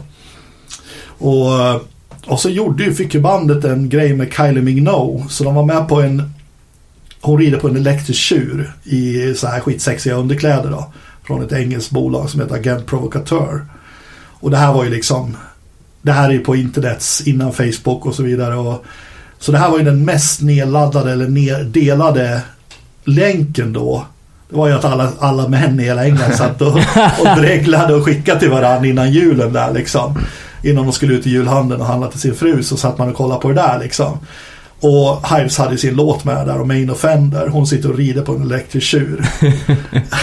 så det är alltså det, och det fick ju, det smällde ju igång då. Då helt plötsligt var ju bandet stenhårt, alltså hipsters nummer ett i England just då. då. Oasis grundare hittade det här bandet, lyssna på det här och, och sen började liksom polletten trilla ner och alla tidningar och allt vad det var liksom.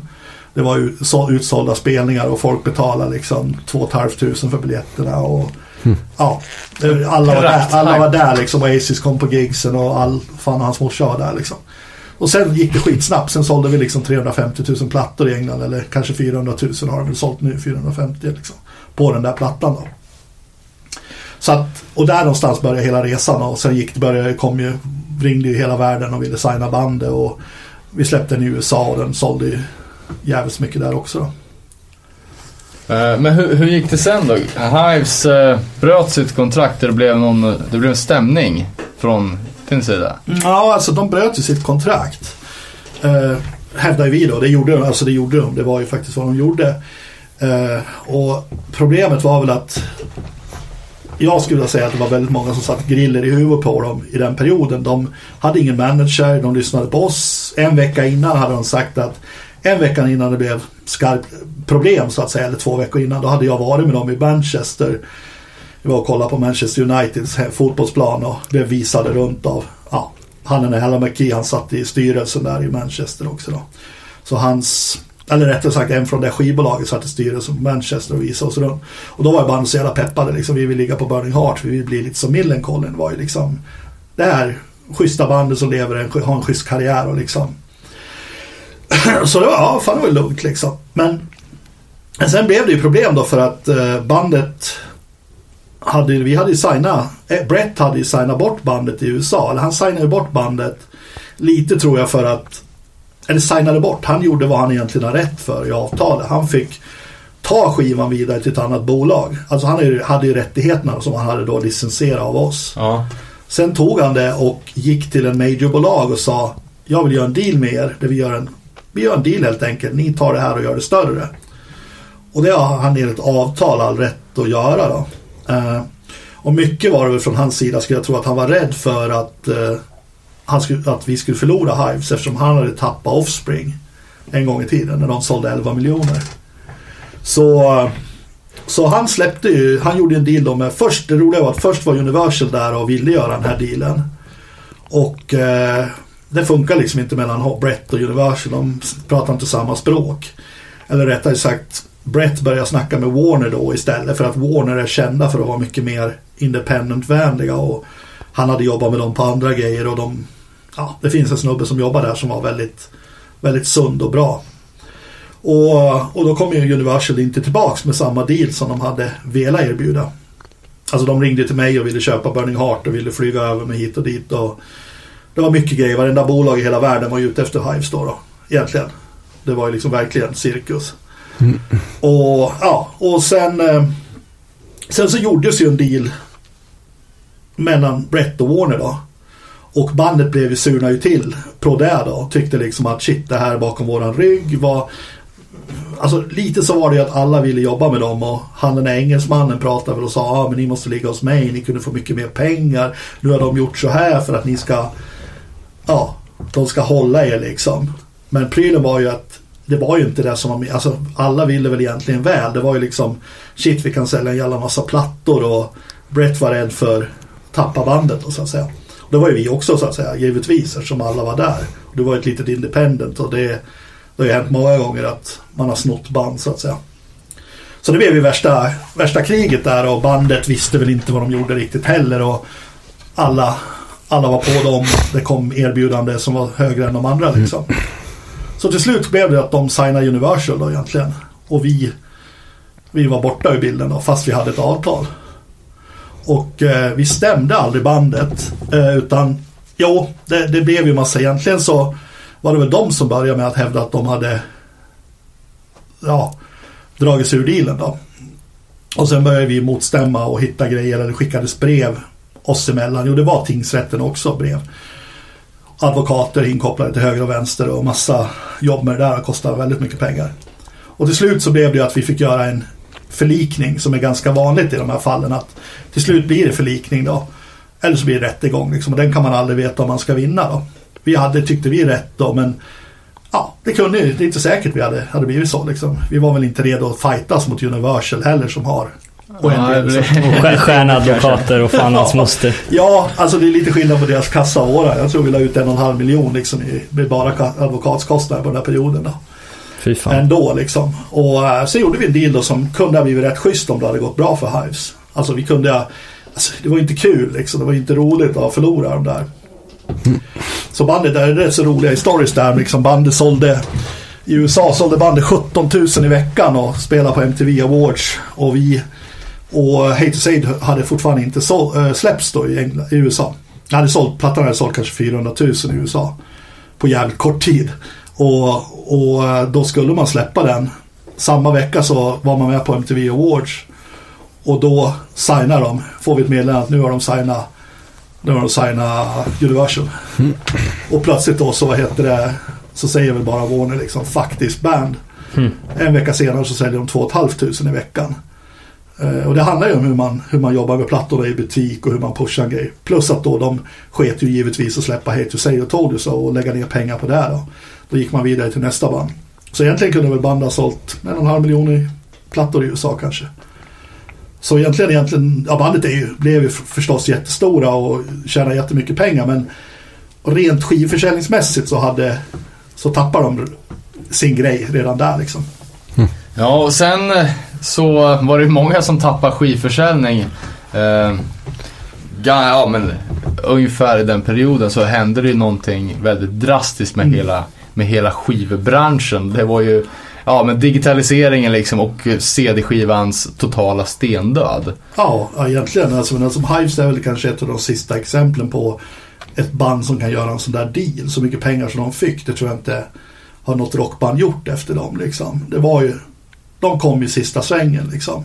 Och det blev en slags jävligt rolig grej också för att hela bråket mellan, nu, nu spårar jag lite där, men hela bråket mellan Universal och Warner berodde på att Universal hade köpt ett bolag som heter Interscope där Universal Bossarna för Interscope gick till Universal. Alla utom en snubbe som heter Tom Wally som gick till Warner. Och det var han som försökte signa Hives då på Warner, eller hade signat Hives på Warner. Så Universal ville ju bränna honom på näsan. Så man la in varenda kula man hade, Okej. varenda krona. Så det här var ju liksom, sades det då, var ett lika mycket internt krig mellan de här människorna. Så att istället för att skatta bort massa mil- miljoner så la man hellre det på att bränna honom i näsan och sno det här bandet. Då.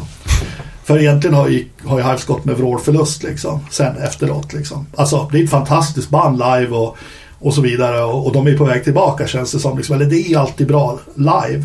Ja, så, ja. Så, ja, så sen det handlar det bara om att sälja skivor liksom, och sälja bra låtar. Liksom. Men Ja, nu har de väl lite att betala till Tambourine så nu får de Ja. en jävla bra platta. precis, precis. Det är det. Men jag tror det är löst. Men det kan vi komma till. Alltså jag vet, nej, det här inte, har inte med den stämningen att göra. Så den ska Nej. inte jag uttala kanske. Jag vet inte så mycket. Jag vet bara lite. Men, men egentligen, hela skivbranschen blev ju... Ja, vi hade ju expanderat. Vi var ju... Vi hade gått från den där garderoben till ja, 13 anställda var vi plus ett Benil-kontor och några praktikanter och så vidare. Eh, sen, sen, eh, sen så gick det jävligt snabbt. Helt plötsligt, vi, vi expanderade ju i fel läge då när, när det gick bra. Och vi anställde, alla fick liksom bra löner och vi började liksom, ja mammaledighet hit och du ska heta det. Och alltså position, du ska ha marknadsansvar där och du ska vara det. Och det är så det blir. Men vi drog ju på oss för mycket kostnader och började liksom komma lite för långt ifrån där vi egentligen Burning Heart var då. Den här undergrounden och signa band och, eh, och vi hade liksom blivit för stora för att vara underground fortfarande. Vi hade ju blivit riktigt ett litet major kan man nästan säga. Liksom så här, vi jobbar ju med ganska, ganska dyra produktioner ändå liksom.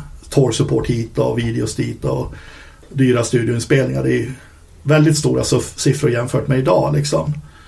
Eh, och eh, så att kostnaderna blev väldigt höga och samtidigt så sjönk då försäljningen. Folk slutade köpa backkatalogen helt enkelt. Och så släppte vi grejer som Loop Troop och Money Brother och, och Money Brother sålde ju bra. Jag tror vi sålde 70 000, kanske 60 000 i Sverige. Men en normal, en normal, en sån platta så bra som det gick hade ju sålt liksom 150 000 minst eller något sånt där i, i en bra period. Alltså som det var innan då. Och sen helt plötsligt så märkte vi att shit, vi, vi säljer ingen längre av mycket av grejerna. Och vi, jag tror vi börjar, jag börjar väl också liksom, alltså det börjar väl bli lite för stort någonstans med band och, alltså med, egentligen med personal och hela grejen. Så man börjar ju liksom, vi börjar ju leta för stora band helt enkelt som skulle få oss att överleva då, den här stora grejen då. Så man tappar ju mycket av den där rötterna också på något sätt. Det blev en annan grej av det hela som var jävligt kul på något sätt men det var Ja, sen började banden sälja mindre och mindre. Dels för att de kanske gjorde, tappade som band att de hade haft sin peak. Och sen även då att musik, det började bli mindre och mindre musikaffärer och folk laddade ner. För folk, ja banden var egentligen, fortsatte ju vara stora så att publiken fanns ju där egentligen. Så det var väl en kombination lite grann då. Så det var jobbigt och sen eh, så gick det ju helt åt helvete då någonstans 2007 tror jag där vi fick lov att lägga ner egentligen. Eller jag fick väl Ja, då var väl Epitaph som slog mig i huvudet och sa liksom nu är det dags kolla på siffrorna här liksom. Och jag var, ja men vadå liksom siffror, vadå? Det här går ju bra. Nej men alltså man var väl lite naiv och ville ju driva sin grej och hade väl liksom Jag vet inte, man, man liksom litar på att det skulle lösa sig liksom och det är väl inte så farligt liksom. Men någonstans så börjar det gå åt ett oroande håll och börjar liksom blöda som fan. Jag menar jag tror att 50% av alla skivbutiker försvann på något år liksom, eller några år.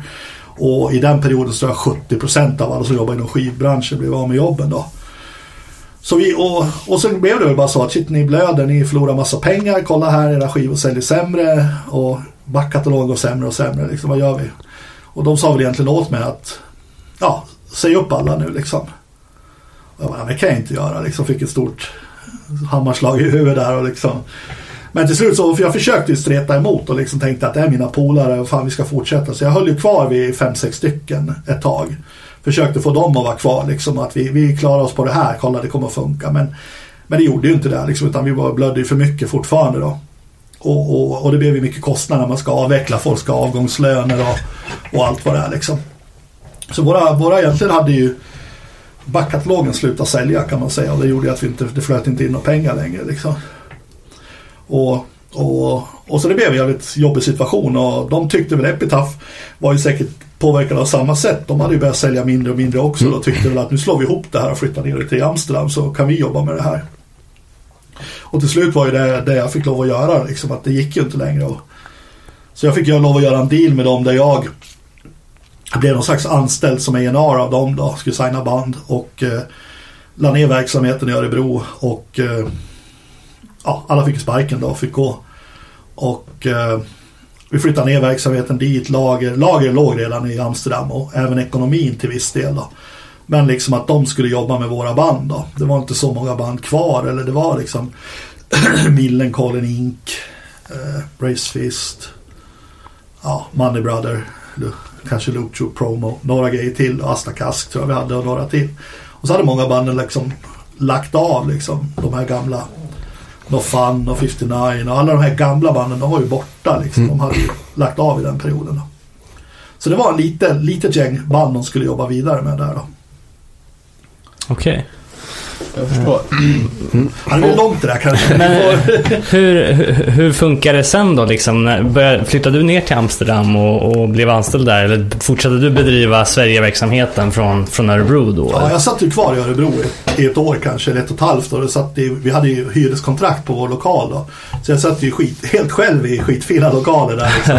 Kulturmärkt och ny, nyinrätt och sådär. Och vi hade ju lagt ner våran postorder då också för att Epitaph hade ju tyckt att vi skulle lägga ner den. Ett, ett och ett halvt år senare startade de sin egen. Ja men alltså, det var liksom det blev ju det här med sammanslagningen som man riskerar, alltid riskerar när man säljer en del av sitt bolag. För jag hade ju sålt 51% då för 98 till dem. Mm. Och så behöll jag ju hälften, resten då. Men så satt jag själv där och alltså jag fick ju lov att göra en deal som betydde att jag om det gick bra med det här så skulle jag få tillbaka mina pengar. Jag skulle få behålla mina aktier då, men gick det dåligt så skulle jag inte få det. Eh, men det var ing, det, var, det trodde jag väl givetvis att det skulle gå ganska bra i alla fall att ja, jag kommer ju få behålla en del, jag kanske inte får behålla allt. Men nej, så blev det inte, det gick ju skitdåligt när vi flyttade ner till Amsterdam och jag, jag flyttade aldrig ner men Seika flyttade ner, han blev ju anställd av dem då, men då blev han anställd av Epitaf. liksom. Så han var ju nere och jobbade ett tag. Och alla andra försvann ju åt olika håll liksom. Fick söka sig andra jobb och starta egna grejer eller vad de nu gjorde.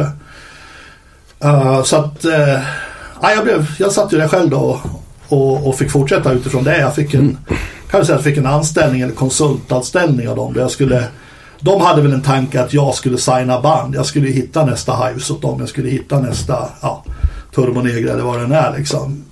Uh, I en period då där man liksom måste sälja x antal skivor för att överhuvudtaget gå plus. Alltså ganska mycket plattor med banden. Ja. Så jag var ju ute, jag var ju runt en del och jobbade åt dem och letade band i några år liksom och försökte ju liksom köra på det racet för de har ju aldrig haft någon A&R i Europa så de ville ju väldigt mycket att jag skulle signa engelska band och sådär. Ja, men eh, det måste man ju ändå säga att du har haft eh, genom åren, nu vet man väl för sig bara de, kanske de lyckade exemplen, men en Ja jävla fingertoppskänsla på att plocka upp saker i rätt tid och som, som faktiskt, ja, men som, saker som inte är någonting som blir gigantiska. Typ om man exkluderar Uh, Burning Heart-banden, liksom som, du var ju tidigare med, med Dropkick Murphys som är liksom arena superstora. Uh, men ja, de svenska akterna också som Money Brother Loop Troop som är stora i Sverige men som var ju, var ju ingenting från början. Vad har du, några an- äh, vad har du jobbat mer med, med för band som A&R? Alltså det, är, alltså det är lite av det där hur vi jobbar, alltså skillnaden. Alltså, och så är Fat Track, de släpper ju bara band och försöker inte jobba banden och bygga dem. Men det, vi har alltid försökt bygga banden och göra bra produktioner och bra produkter, jobba som ett riktigt skivbolag. Alltså det är lite svårt, Fat Track är väl också ett riktigt skivbolag men de har ju aldrig de har ju mest gått på att släppa plattor som är bra och sen på plattorna klara sig själva. Men vi försöker liksom jobba runt banden och och, och det är väl alltid det vi har gjort med Burning Heart. Det är därför vi har byggt band liksom också. Från att vara ganska små till att bli någonting. Vi har ju haft en bra plattform runt där som har liksom varit ett team. Det är nästan så att vi var liksom, det är ju en mellanting mellan skivbolag och management liksom på något sätt. Även om man inte är ett management så blir det mycket, mycket sådana grejer. Eh, sen var ju skivbolagen väldigt drivande förr i tiden på att bygga, bygga artister jämfört med vad man kanske är idag.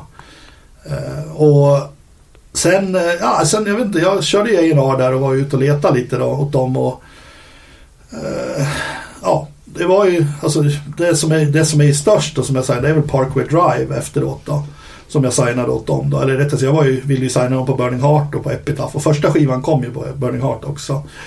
Eh, Jaha, åh fan. Ja, den är ju släppt på Burning Heart slash, slash Epitaph. Men det var ju, då hade inte jag Burning Heart, alltså då, då låg Burning Heart under dem. Jag var ju liksom anställd, de tog alla ekonomiska risker. Och jag hade liksom procent som A&R då. Alltså jag har inte sett en krona från Parkway Drive så jag... Nej men alltså det blev lite tokigt där med hela den här upplägget då. Det gick ju åt helvete liksom. eh, Upplägg och... Så att det är väl vad det är men... Parkway Drive, Gallows som var ju hetast i England där ett tag. De signade ju också då liksom till Epitaph men... Även skulle ju ligga, ville ju ha dem på Burning Heart men... Bandet hade möte med sin management samma dag och sen signade de ju Warner istället då. och det var ju liksom, de fick ju någon miljon dollar eller hur det var. Det var faktiskt en miljon dollar över det jag hört fast det ska egentligen vara i pund då, men Alltså gick, de blev ju stora snabbt och var på alla främst. Och vilket tror jag var dåligt för bandet på ett sätt men eh, någonstans för det gick de ju bort sig och tappade väl hans sångare på grund av det och sådär. Men, men vi jobbar ju på ett lite annorlunda sätt än vad till exempel Warner gör. De ska ju inte jobba med sådana där grejer liksom. Eh, sen, eh, ja vad signade jag mer? Jag kommer inte ihåg. Flogger Molly men det låg ju på Burning Heart. Det var ju också rätt, rätt stort ett tag. Ja. Och eh, signa efteråt. Är det inte så jävla mycket som blev ändå? Jag var ju på att snudda på grejer liksom så här som man, man pratar med då, Epitaph liksom sådär. Eh, att det här ska vi börja jobba med och sådär. Men sen försvann ju mitt intresse lite grann där och, och jag började ju liksom eller mitt intresse försvann ju för jag förstod att det här kommer man inte kunna tjäna pengar på. Jag, alltså tjäna pengar och leva på plus att jag ville ju driva projekt. Jag vill inte signa ett band och sen ta Epitaph över och sen får inte jag vara med och driva projektet liksom. Utan bara sitta och vänta på att en avräkning kommer. Det är inte roligt liksom. Nej, just det. Nej, så jag startade ju management istället, ett nytt bolag då och började köra lite management och sen startade jag ju Panic and Action efter det. Då, så jag insåg väl att jag måste ha någonting annat som, jag kan inte bara sitta och tro på det här liksom. Vad händer om skivor, om det fortsätter liksom den här piracyn och allt vad det är. va? Jag kommer inte tjäna en spänn liksom. Och när drog du igång Panic, Panic in Action? 2009 tror jag, eller 2008 i slutet där började vi nog, var vi nog igång lite grann. Mm, det är ganska mycket turnéer under det här namnet va? I alla fall inom Sverige. Ja, vi gjorde ju en fantastiskt bra första vända där vi liksom kände att nu shit, nu... Våran tanke var väl att ha ett inhouse bokningsbolag och boka mycket av banden och boka turnéer. Så gjorde vi någon turné där på 25 spelningar runt i Sverige. Så där banden kom rätt så rätt. Att Epp släppte sin platta Mm. och Chemical Location och var det Her Bright Sky som var ute. Va? Och det var ju väldigt bra men, men sen har ju allt den där metalcoren har ju varit väldigt det gick ju rätt okej med hela Panic in Action. Det har det ju liksom tacklat av lite grann nu då. Eh, Men det gick ju ändå rätt bra ett tag.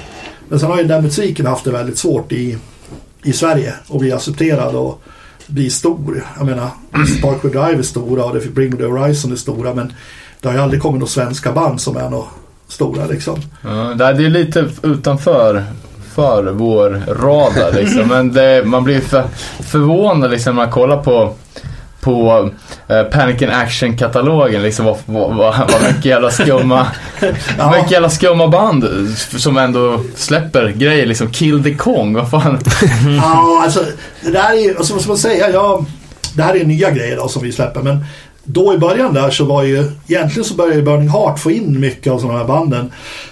Jag minns att jag fick Adept och jag fick Chemical Vocation och sådär. Och, och vi satt och faktiskt och sneglade på både Adept och ville signa dem på förlagen. Men just då hade vi lite sådär, vi visste inte vad vi skulle ta vägen musikaliskt. Vi kände att den där musiken var inte riktigt vad vi hade gjort. Eh, Jag vet att Epitaph hade samma sak också. De tänkte så här, vad fan, det här är inte vad vi sysslar med. Ty, ty, tycker du att metalcore har någon connection med punk hardcore? Alltså om man tittar på kopplingen Parkway Drive så ja, alltså där kan du ju se det och Gallows är inte metalcore förresten. Men, men om du tittar på Parkway Drive så är ju de växt- uppväxta med Cheap Shots och Punk Punkorama och Race Fist och allt vad det är liksom. Det är det de har växt upp på. Så att, och sen har de väl lyssnat på Gothenburg Metal också liksom så här. Så att Ja men, Någon det är slags ändå, koppling. ja men det är ändå ett väldigt tidigt band innan genren definierades. Jag tänker de här nya banden som man inte ens vet vad de heter men som alltså jag Kill the Kong och dem. Jag, jag, kan, alltså, jag, jag är inte heller så inne på, alltså det, det finns ju grejer som jag tycker är bra ibland. Men jag tycker det är ganska dåligt med bra svenska band. Att för att liksom det blir väldigt mycket att låta som de amerikanska banden och banden måste Ja, jag vet inte, det är svårt att hitta, den scenen har det väldigt svårt i Sverige. Sen finns det bra band men det, är inte, det har ju kommit fram väldigt lite bra band. Och jag tycker väl också så att säga Kopplingen är väl ändå att många av de där killarna har ju lyssnat på Millencolin och allting. Liksom Refused eller vad de har. Ja. Sen har de faktiskt tagit det vidare. Sen tycker jag själv kanske att mycket av det här Även när det börjar bli lite så här tu- vad heter det, autotune och allt vad det är så här. Jag tycker det är helt värdelöst liksom. Alltså det blir för mycket. Jag kan leva med det någon gång sådär. Men eh, ibland är det hårt och vissa band tycker jag faktiskt om. Det gör jag. Och sen kan man väl se kopplingen till till lite mer på emo-sidan också till gamla emo-band på något sätt ibland då. Men sen blir det väl lite väl mycket ja, Eh, Jag är liksom inte helt bekväm med scenen heller men jag har inget problem att jobba med ett band professionellt som är liksom åt det hållet. För jag tycker det finns bra grejer liksom. Ja, jag, jag håller med dig. Jag tycker det finns vissa band inom de, de genrerna som håller väldigt hög kvalitet. Men det är ett jävla... Man får sålla så in i helvete för att hitta... Jo, ja, men jag har sett den. Ni kanske har hört den där Rice-grejen. De gör parodi på den. Eller jag vet inte. De gör nej. parodi på det där liksom. eh, Just Rice Record är ju rätt så kända i den där genren.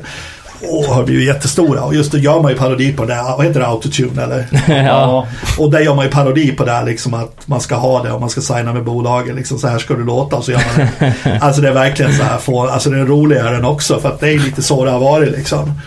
Och, men sen finns det ju band som ja, går mer åt mathcore eller mer progressivt eller vad det än är. Så det finns så mycket blandat där också liksom.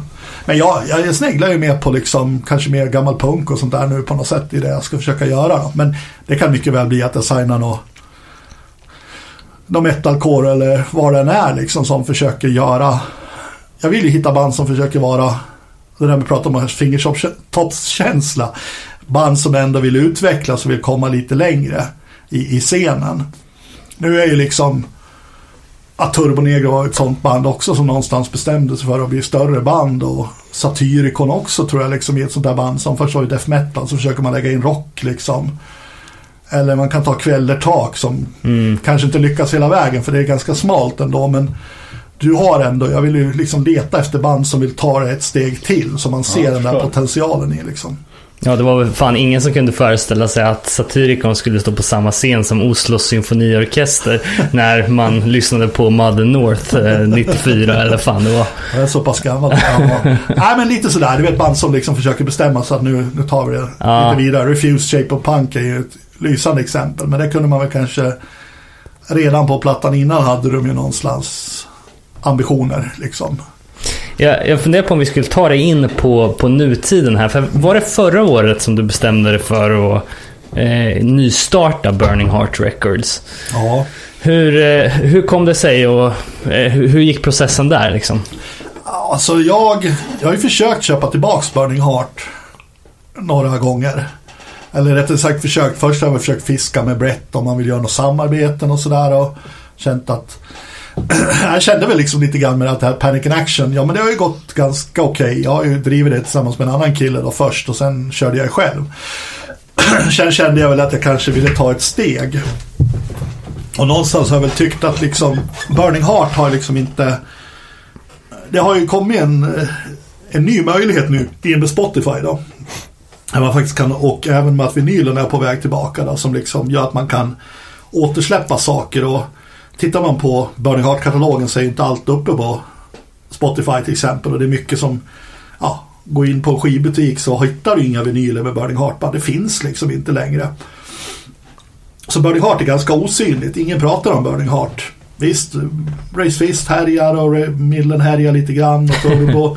alltså, men Burning Heart är ganska osynligt ute där som begrepp. Liksom, eller att det är ingen som det är ingen som har pushat det på många år. Liksom. Nej.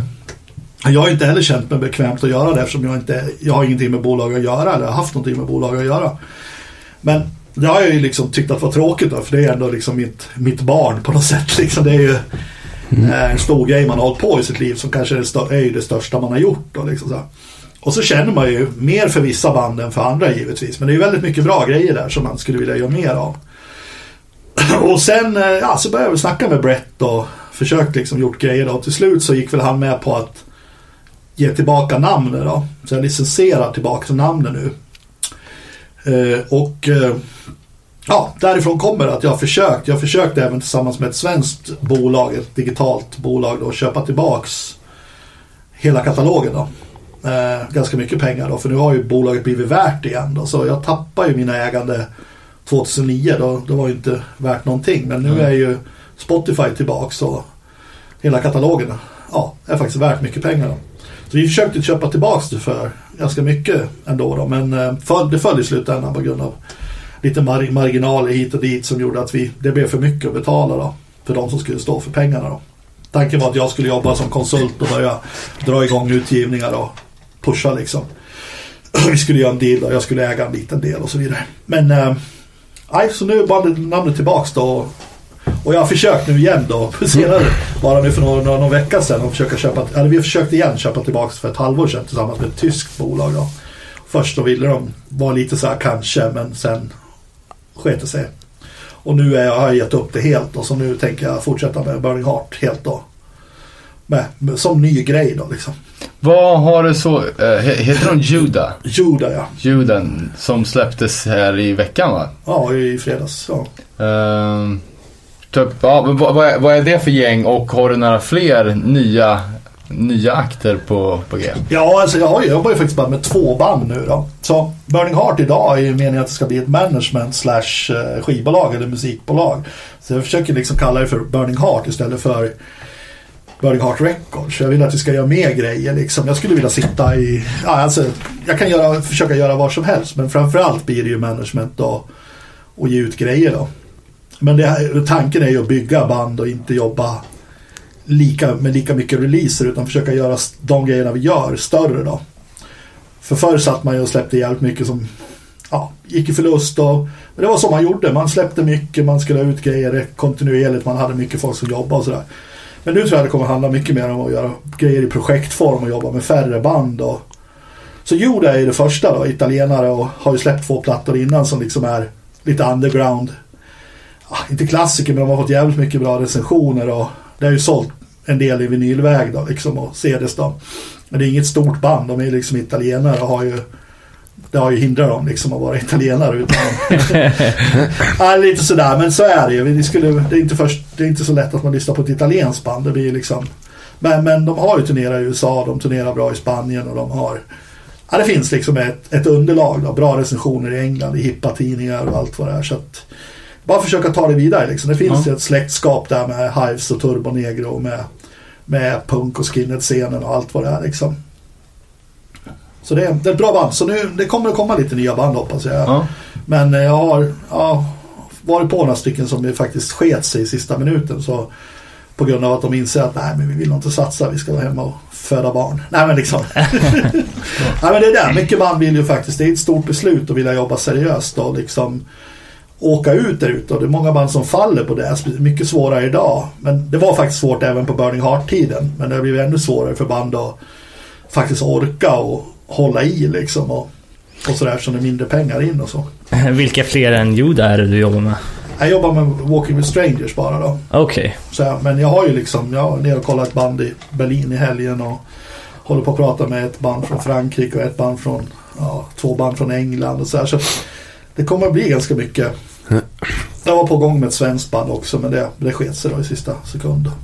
Alright. Så det är mycket diskussioner just nu men jag, jag har inte så bråttom nu heller. Men jag vet att jag måste, jag vill ha igång det till nästa höst lite mer på riktigt då. Vi har precis flyttat in i kontor och har det väldigt bra sådär men någonstans så måste vi börja sajla grejer också då. Så att Mm. det blev lite så här, ja, skulle ha dragit igång några nya projekt nu då, men nu, nu blir det mer att framåt ja, nästa sommar eller bara till hösten till och med som vi får sikta på nästa gång.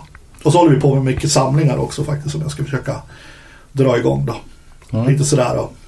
Som vi mycket gjorde förr och försöka göra det igen då. Mm. Det, ja. Men det känns positivt i alla fall. Du ser positivt på den musikindustrin som ändå... Ja, det tror jag. Det här är, ja, alltså det är klart det är svårare på ett sätt men vi kommer, ju- alltså vi kommer jobba underifrån liksom och försöka ta tillbaka någon slags Ja, det är jättesvårt. Folk har ju förväntningar. Det kan ju aldrig bli som förr liksom med Burning Heart. Och det kommer det ju inte att bli. Jag menar, vi kommer vi kommer ju släppa olika musik sådär. Men jag släppte den här samlingen med lite nya moderna band och metalcore och core. Det är liksom ja, det är ju musik som kidsen lyssnar på där ute ändå någorlunda. Det är inte stort i Sverige och sådär men vi kommer ju försöka göra lite sådana grejer men så kommer jag ju faktiskt gå tillbaks mycket tror jag till mina rötter och sådär också då. Och vad de är det är ju punk och hardcore och oj och sådana här grejer liksom. Det är ju där det finns. Och då får man ju snegla lite mer utomlands. Så därför jag pratar med lite utländska band lite mer. För att just nu så är det ganska dött i Sverige tycker jag. Alltså det finns band och det, det kommer att signas svenskt, det är jag övertygad om. Men nu mer än någonsin så vill jag liksom titta mer på utlandet också. Liksom så här. Det har ju blivit en lättare med distributionen idag också med digitalt. Och, Ja, det är klart. ja, så kunna jobba med på, på utländska band på något sätt. Liksom. Så att, känner mig lite redo för det här. Det är klart vi Burning Heart jobbar ju också med en del utländska band. Men jag skulle vilja säga att ja, någonstans så hoppas vi ändå att om man sitter på management-sidan, för det ska vi fortsätta bygga upp och jag hoppas ju anställa någon som jobbar med management och, och sådär. Eh, jag vill ha en, jag har en kille nu som jobbar digitalt och nästa år kommer det komma in en kille som jobbar, ska jobba med produktioner fysisk, fysiskt då. Och så vill jag hitta någon på management-sidan. Så det är väl egentligen tanken att växa liksom med de bitarna. Sedan är ju i princip borta då. Ja. Och inte göra ett lika stort bolag som förra gången. Den här gången kanske ja, räcker med 4-5 liksom. Eh, avslutningsvis så, så börjar jag eh, bara kolla lite för. Du Uh, har varit väldigt aktiv privat på, i, i sociala medier med mycket politiska grejer. Och nu har även det här börjat synas lite på uh, Under Burning Hearts Facebook. Har fått ganska mycket dålig kritik från punkscenen liksom. Hur, hur, hur, var, var kommer det här nyväckta politiska intresset ifrån och vad har du för tankar kring det? Alltså, ja, det är lite roligt så här, för jag har inte hört så mycket, alltså jag hör ju vissa delar av kritiken så att säga och, och så jag tycker det är lite roligt också för det, jag menar punken är ju ett stort finger i ansiktet på folk. Ska, var ju så man växte upp med det uttryckssättet då. Eh, och det fanns ju liksom inga fasta låsta positioner i diskussionen. Det var ju väldigt mycket att man liksom ska, ja, diskussion kring saker och ting. Eh, men, men eh, Alltså ny, ny grejer, det beror väl dels på Facebook som ett forum. Plus att man börjar närma sig 50, man ska ju snart dö liksom. Hör lika bra man säger någonting när man dör. Nej men liksom det och sen, sen så är det ju faktiskt så att ursprunget är ju punk och kommer från punken och jag gjorde ett fanzine skrivande där det faktiskt var lite politiska grejer med också då. Och att man faktiskt tyckte saker eh, i andra forum förr så att säga. Om du engagerar sig lokalt då för för ungdomsfrågor eller vad det är. Alltså, så det är samma nu, liksom politen, politiska, liksom, att det kommer, kommer in där. Men det är ju min privata del. Alltså Burning Heart är ju fortfarande, det går ju, det gränsar, det är så lik, jag är ju Babs liksom och Ja. alla vet som jag är. Men inte så att Burning Heart har blivit någonting annorlunda. Det är fortfarande där liksom lite walk together, rock together skulle jag vilja säga. Eh, det är inte meningen att det är. Men jag tror att många också tro, trodde att Burning Heart var mer vänster än vad vi var. Alltså mer sådär. Eh, i, i någon form i och med att vi hade Refused, Randy, Loop Troop och så vidare. Och det är klart att det finns liksom grejer i det vi gör som är handlar egentligen om en bättre värld liksom på något sätt eller att stå för vissa saker och sådär. Eh, men just det här med att liksom Många som kritiserar och tycker det, ja, men det, det är också att retas lite grann eller, eller markera eller på något sätt visa att kanske åsikterna, åsikter ändras ju med tiden. Från man är 30 till man är 50, det är en ganska lång period. Man ska få barn, man får andra värderingar och men någonstans så ligger de flesta värderingarna kvar, absolut. Men sen att det liksom inte är stöpt i en vänster-höger form liksom. Att man, det här är vänster, det här är höger liksom. Att det är väl lite där tror jag folk, folk blir besvikna. Jag vet inte vad ni hör. Nej, men så det känns ju som att... Eh, jag har inte detaljstuderat, men det känns ju lite som att någonstans är det liksom att punkaren Babs på, liksom på pin kiv ska ifrågasätta den allmänna opinionen, även fast kanske, som jag tycker är i den här formen, att den allmänna opinionen har rätt. Men att, det, att det är någon sorts liksom, lite så här ja men det är väl liksom Ja, klassisk gubbfälla liksom att rebe- rebellen blir reaktionär.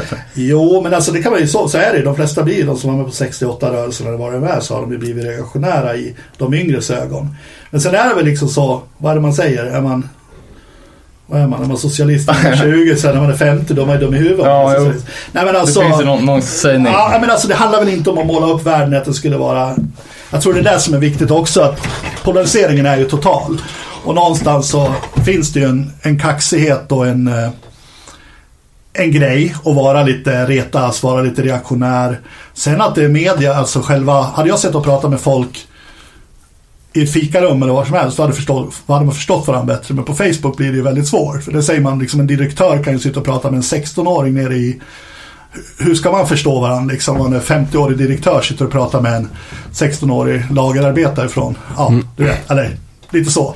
Jättesvårt att, att förstå varandra på det där nätet. Men sen, sen givetvis, absolut så tror jag det handlar mycket om att Burning Heart, eller mycket att folk har de åsikterna också, att Burning Heart var så mycket den här grejen. Att liksom, nej men det är det inte, det vill jag tala om att det ska vara mycket mer öppet. För att någonstans så tycker jag, känns det lite som att om man nu ska säga vänstern har kidnappat scenen lite grann. Eller liksom, det var ju inte alls så när jag började. Vi, vi, vi gav ju ett stort finger till högern och till vänstern. Vi var ju uppväxta i, i sosse, Fagersta.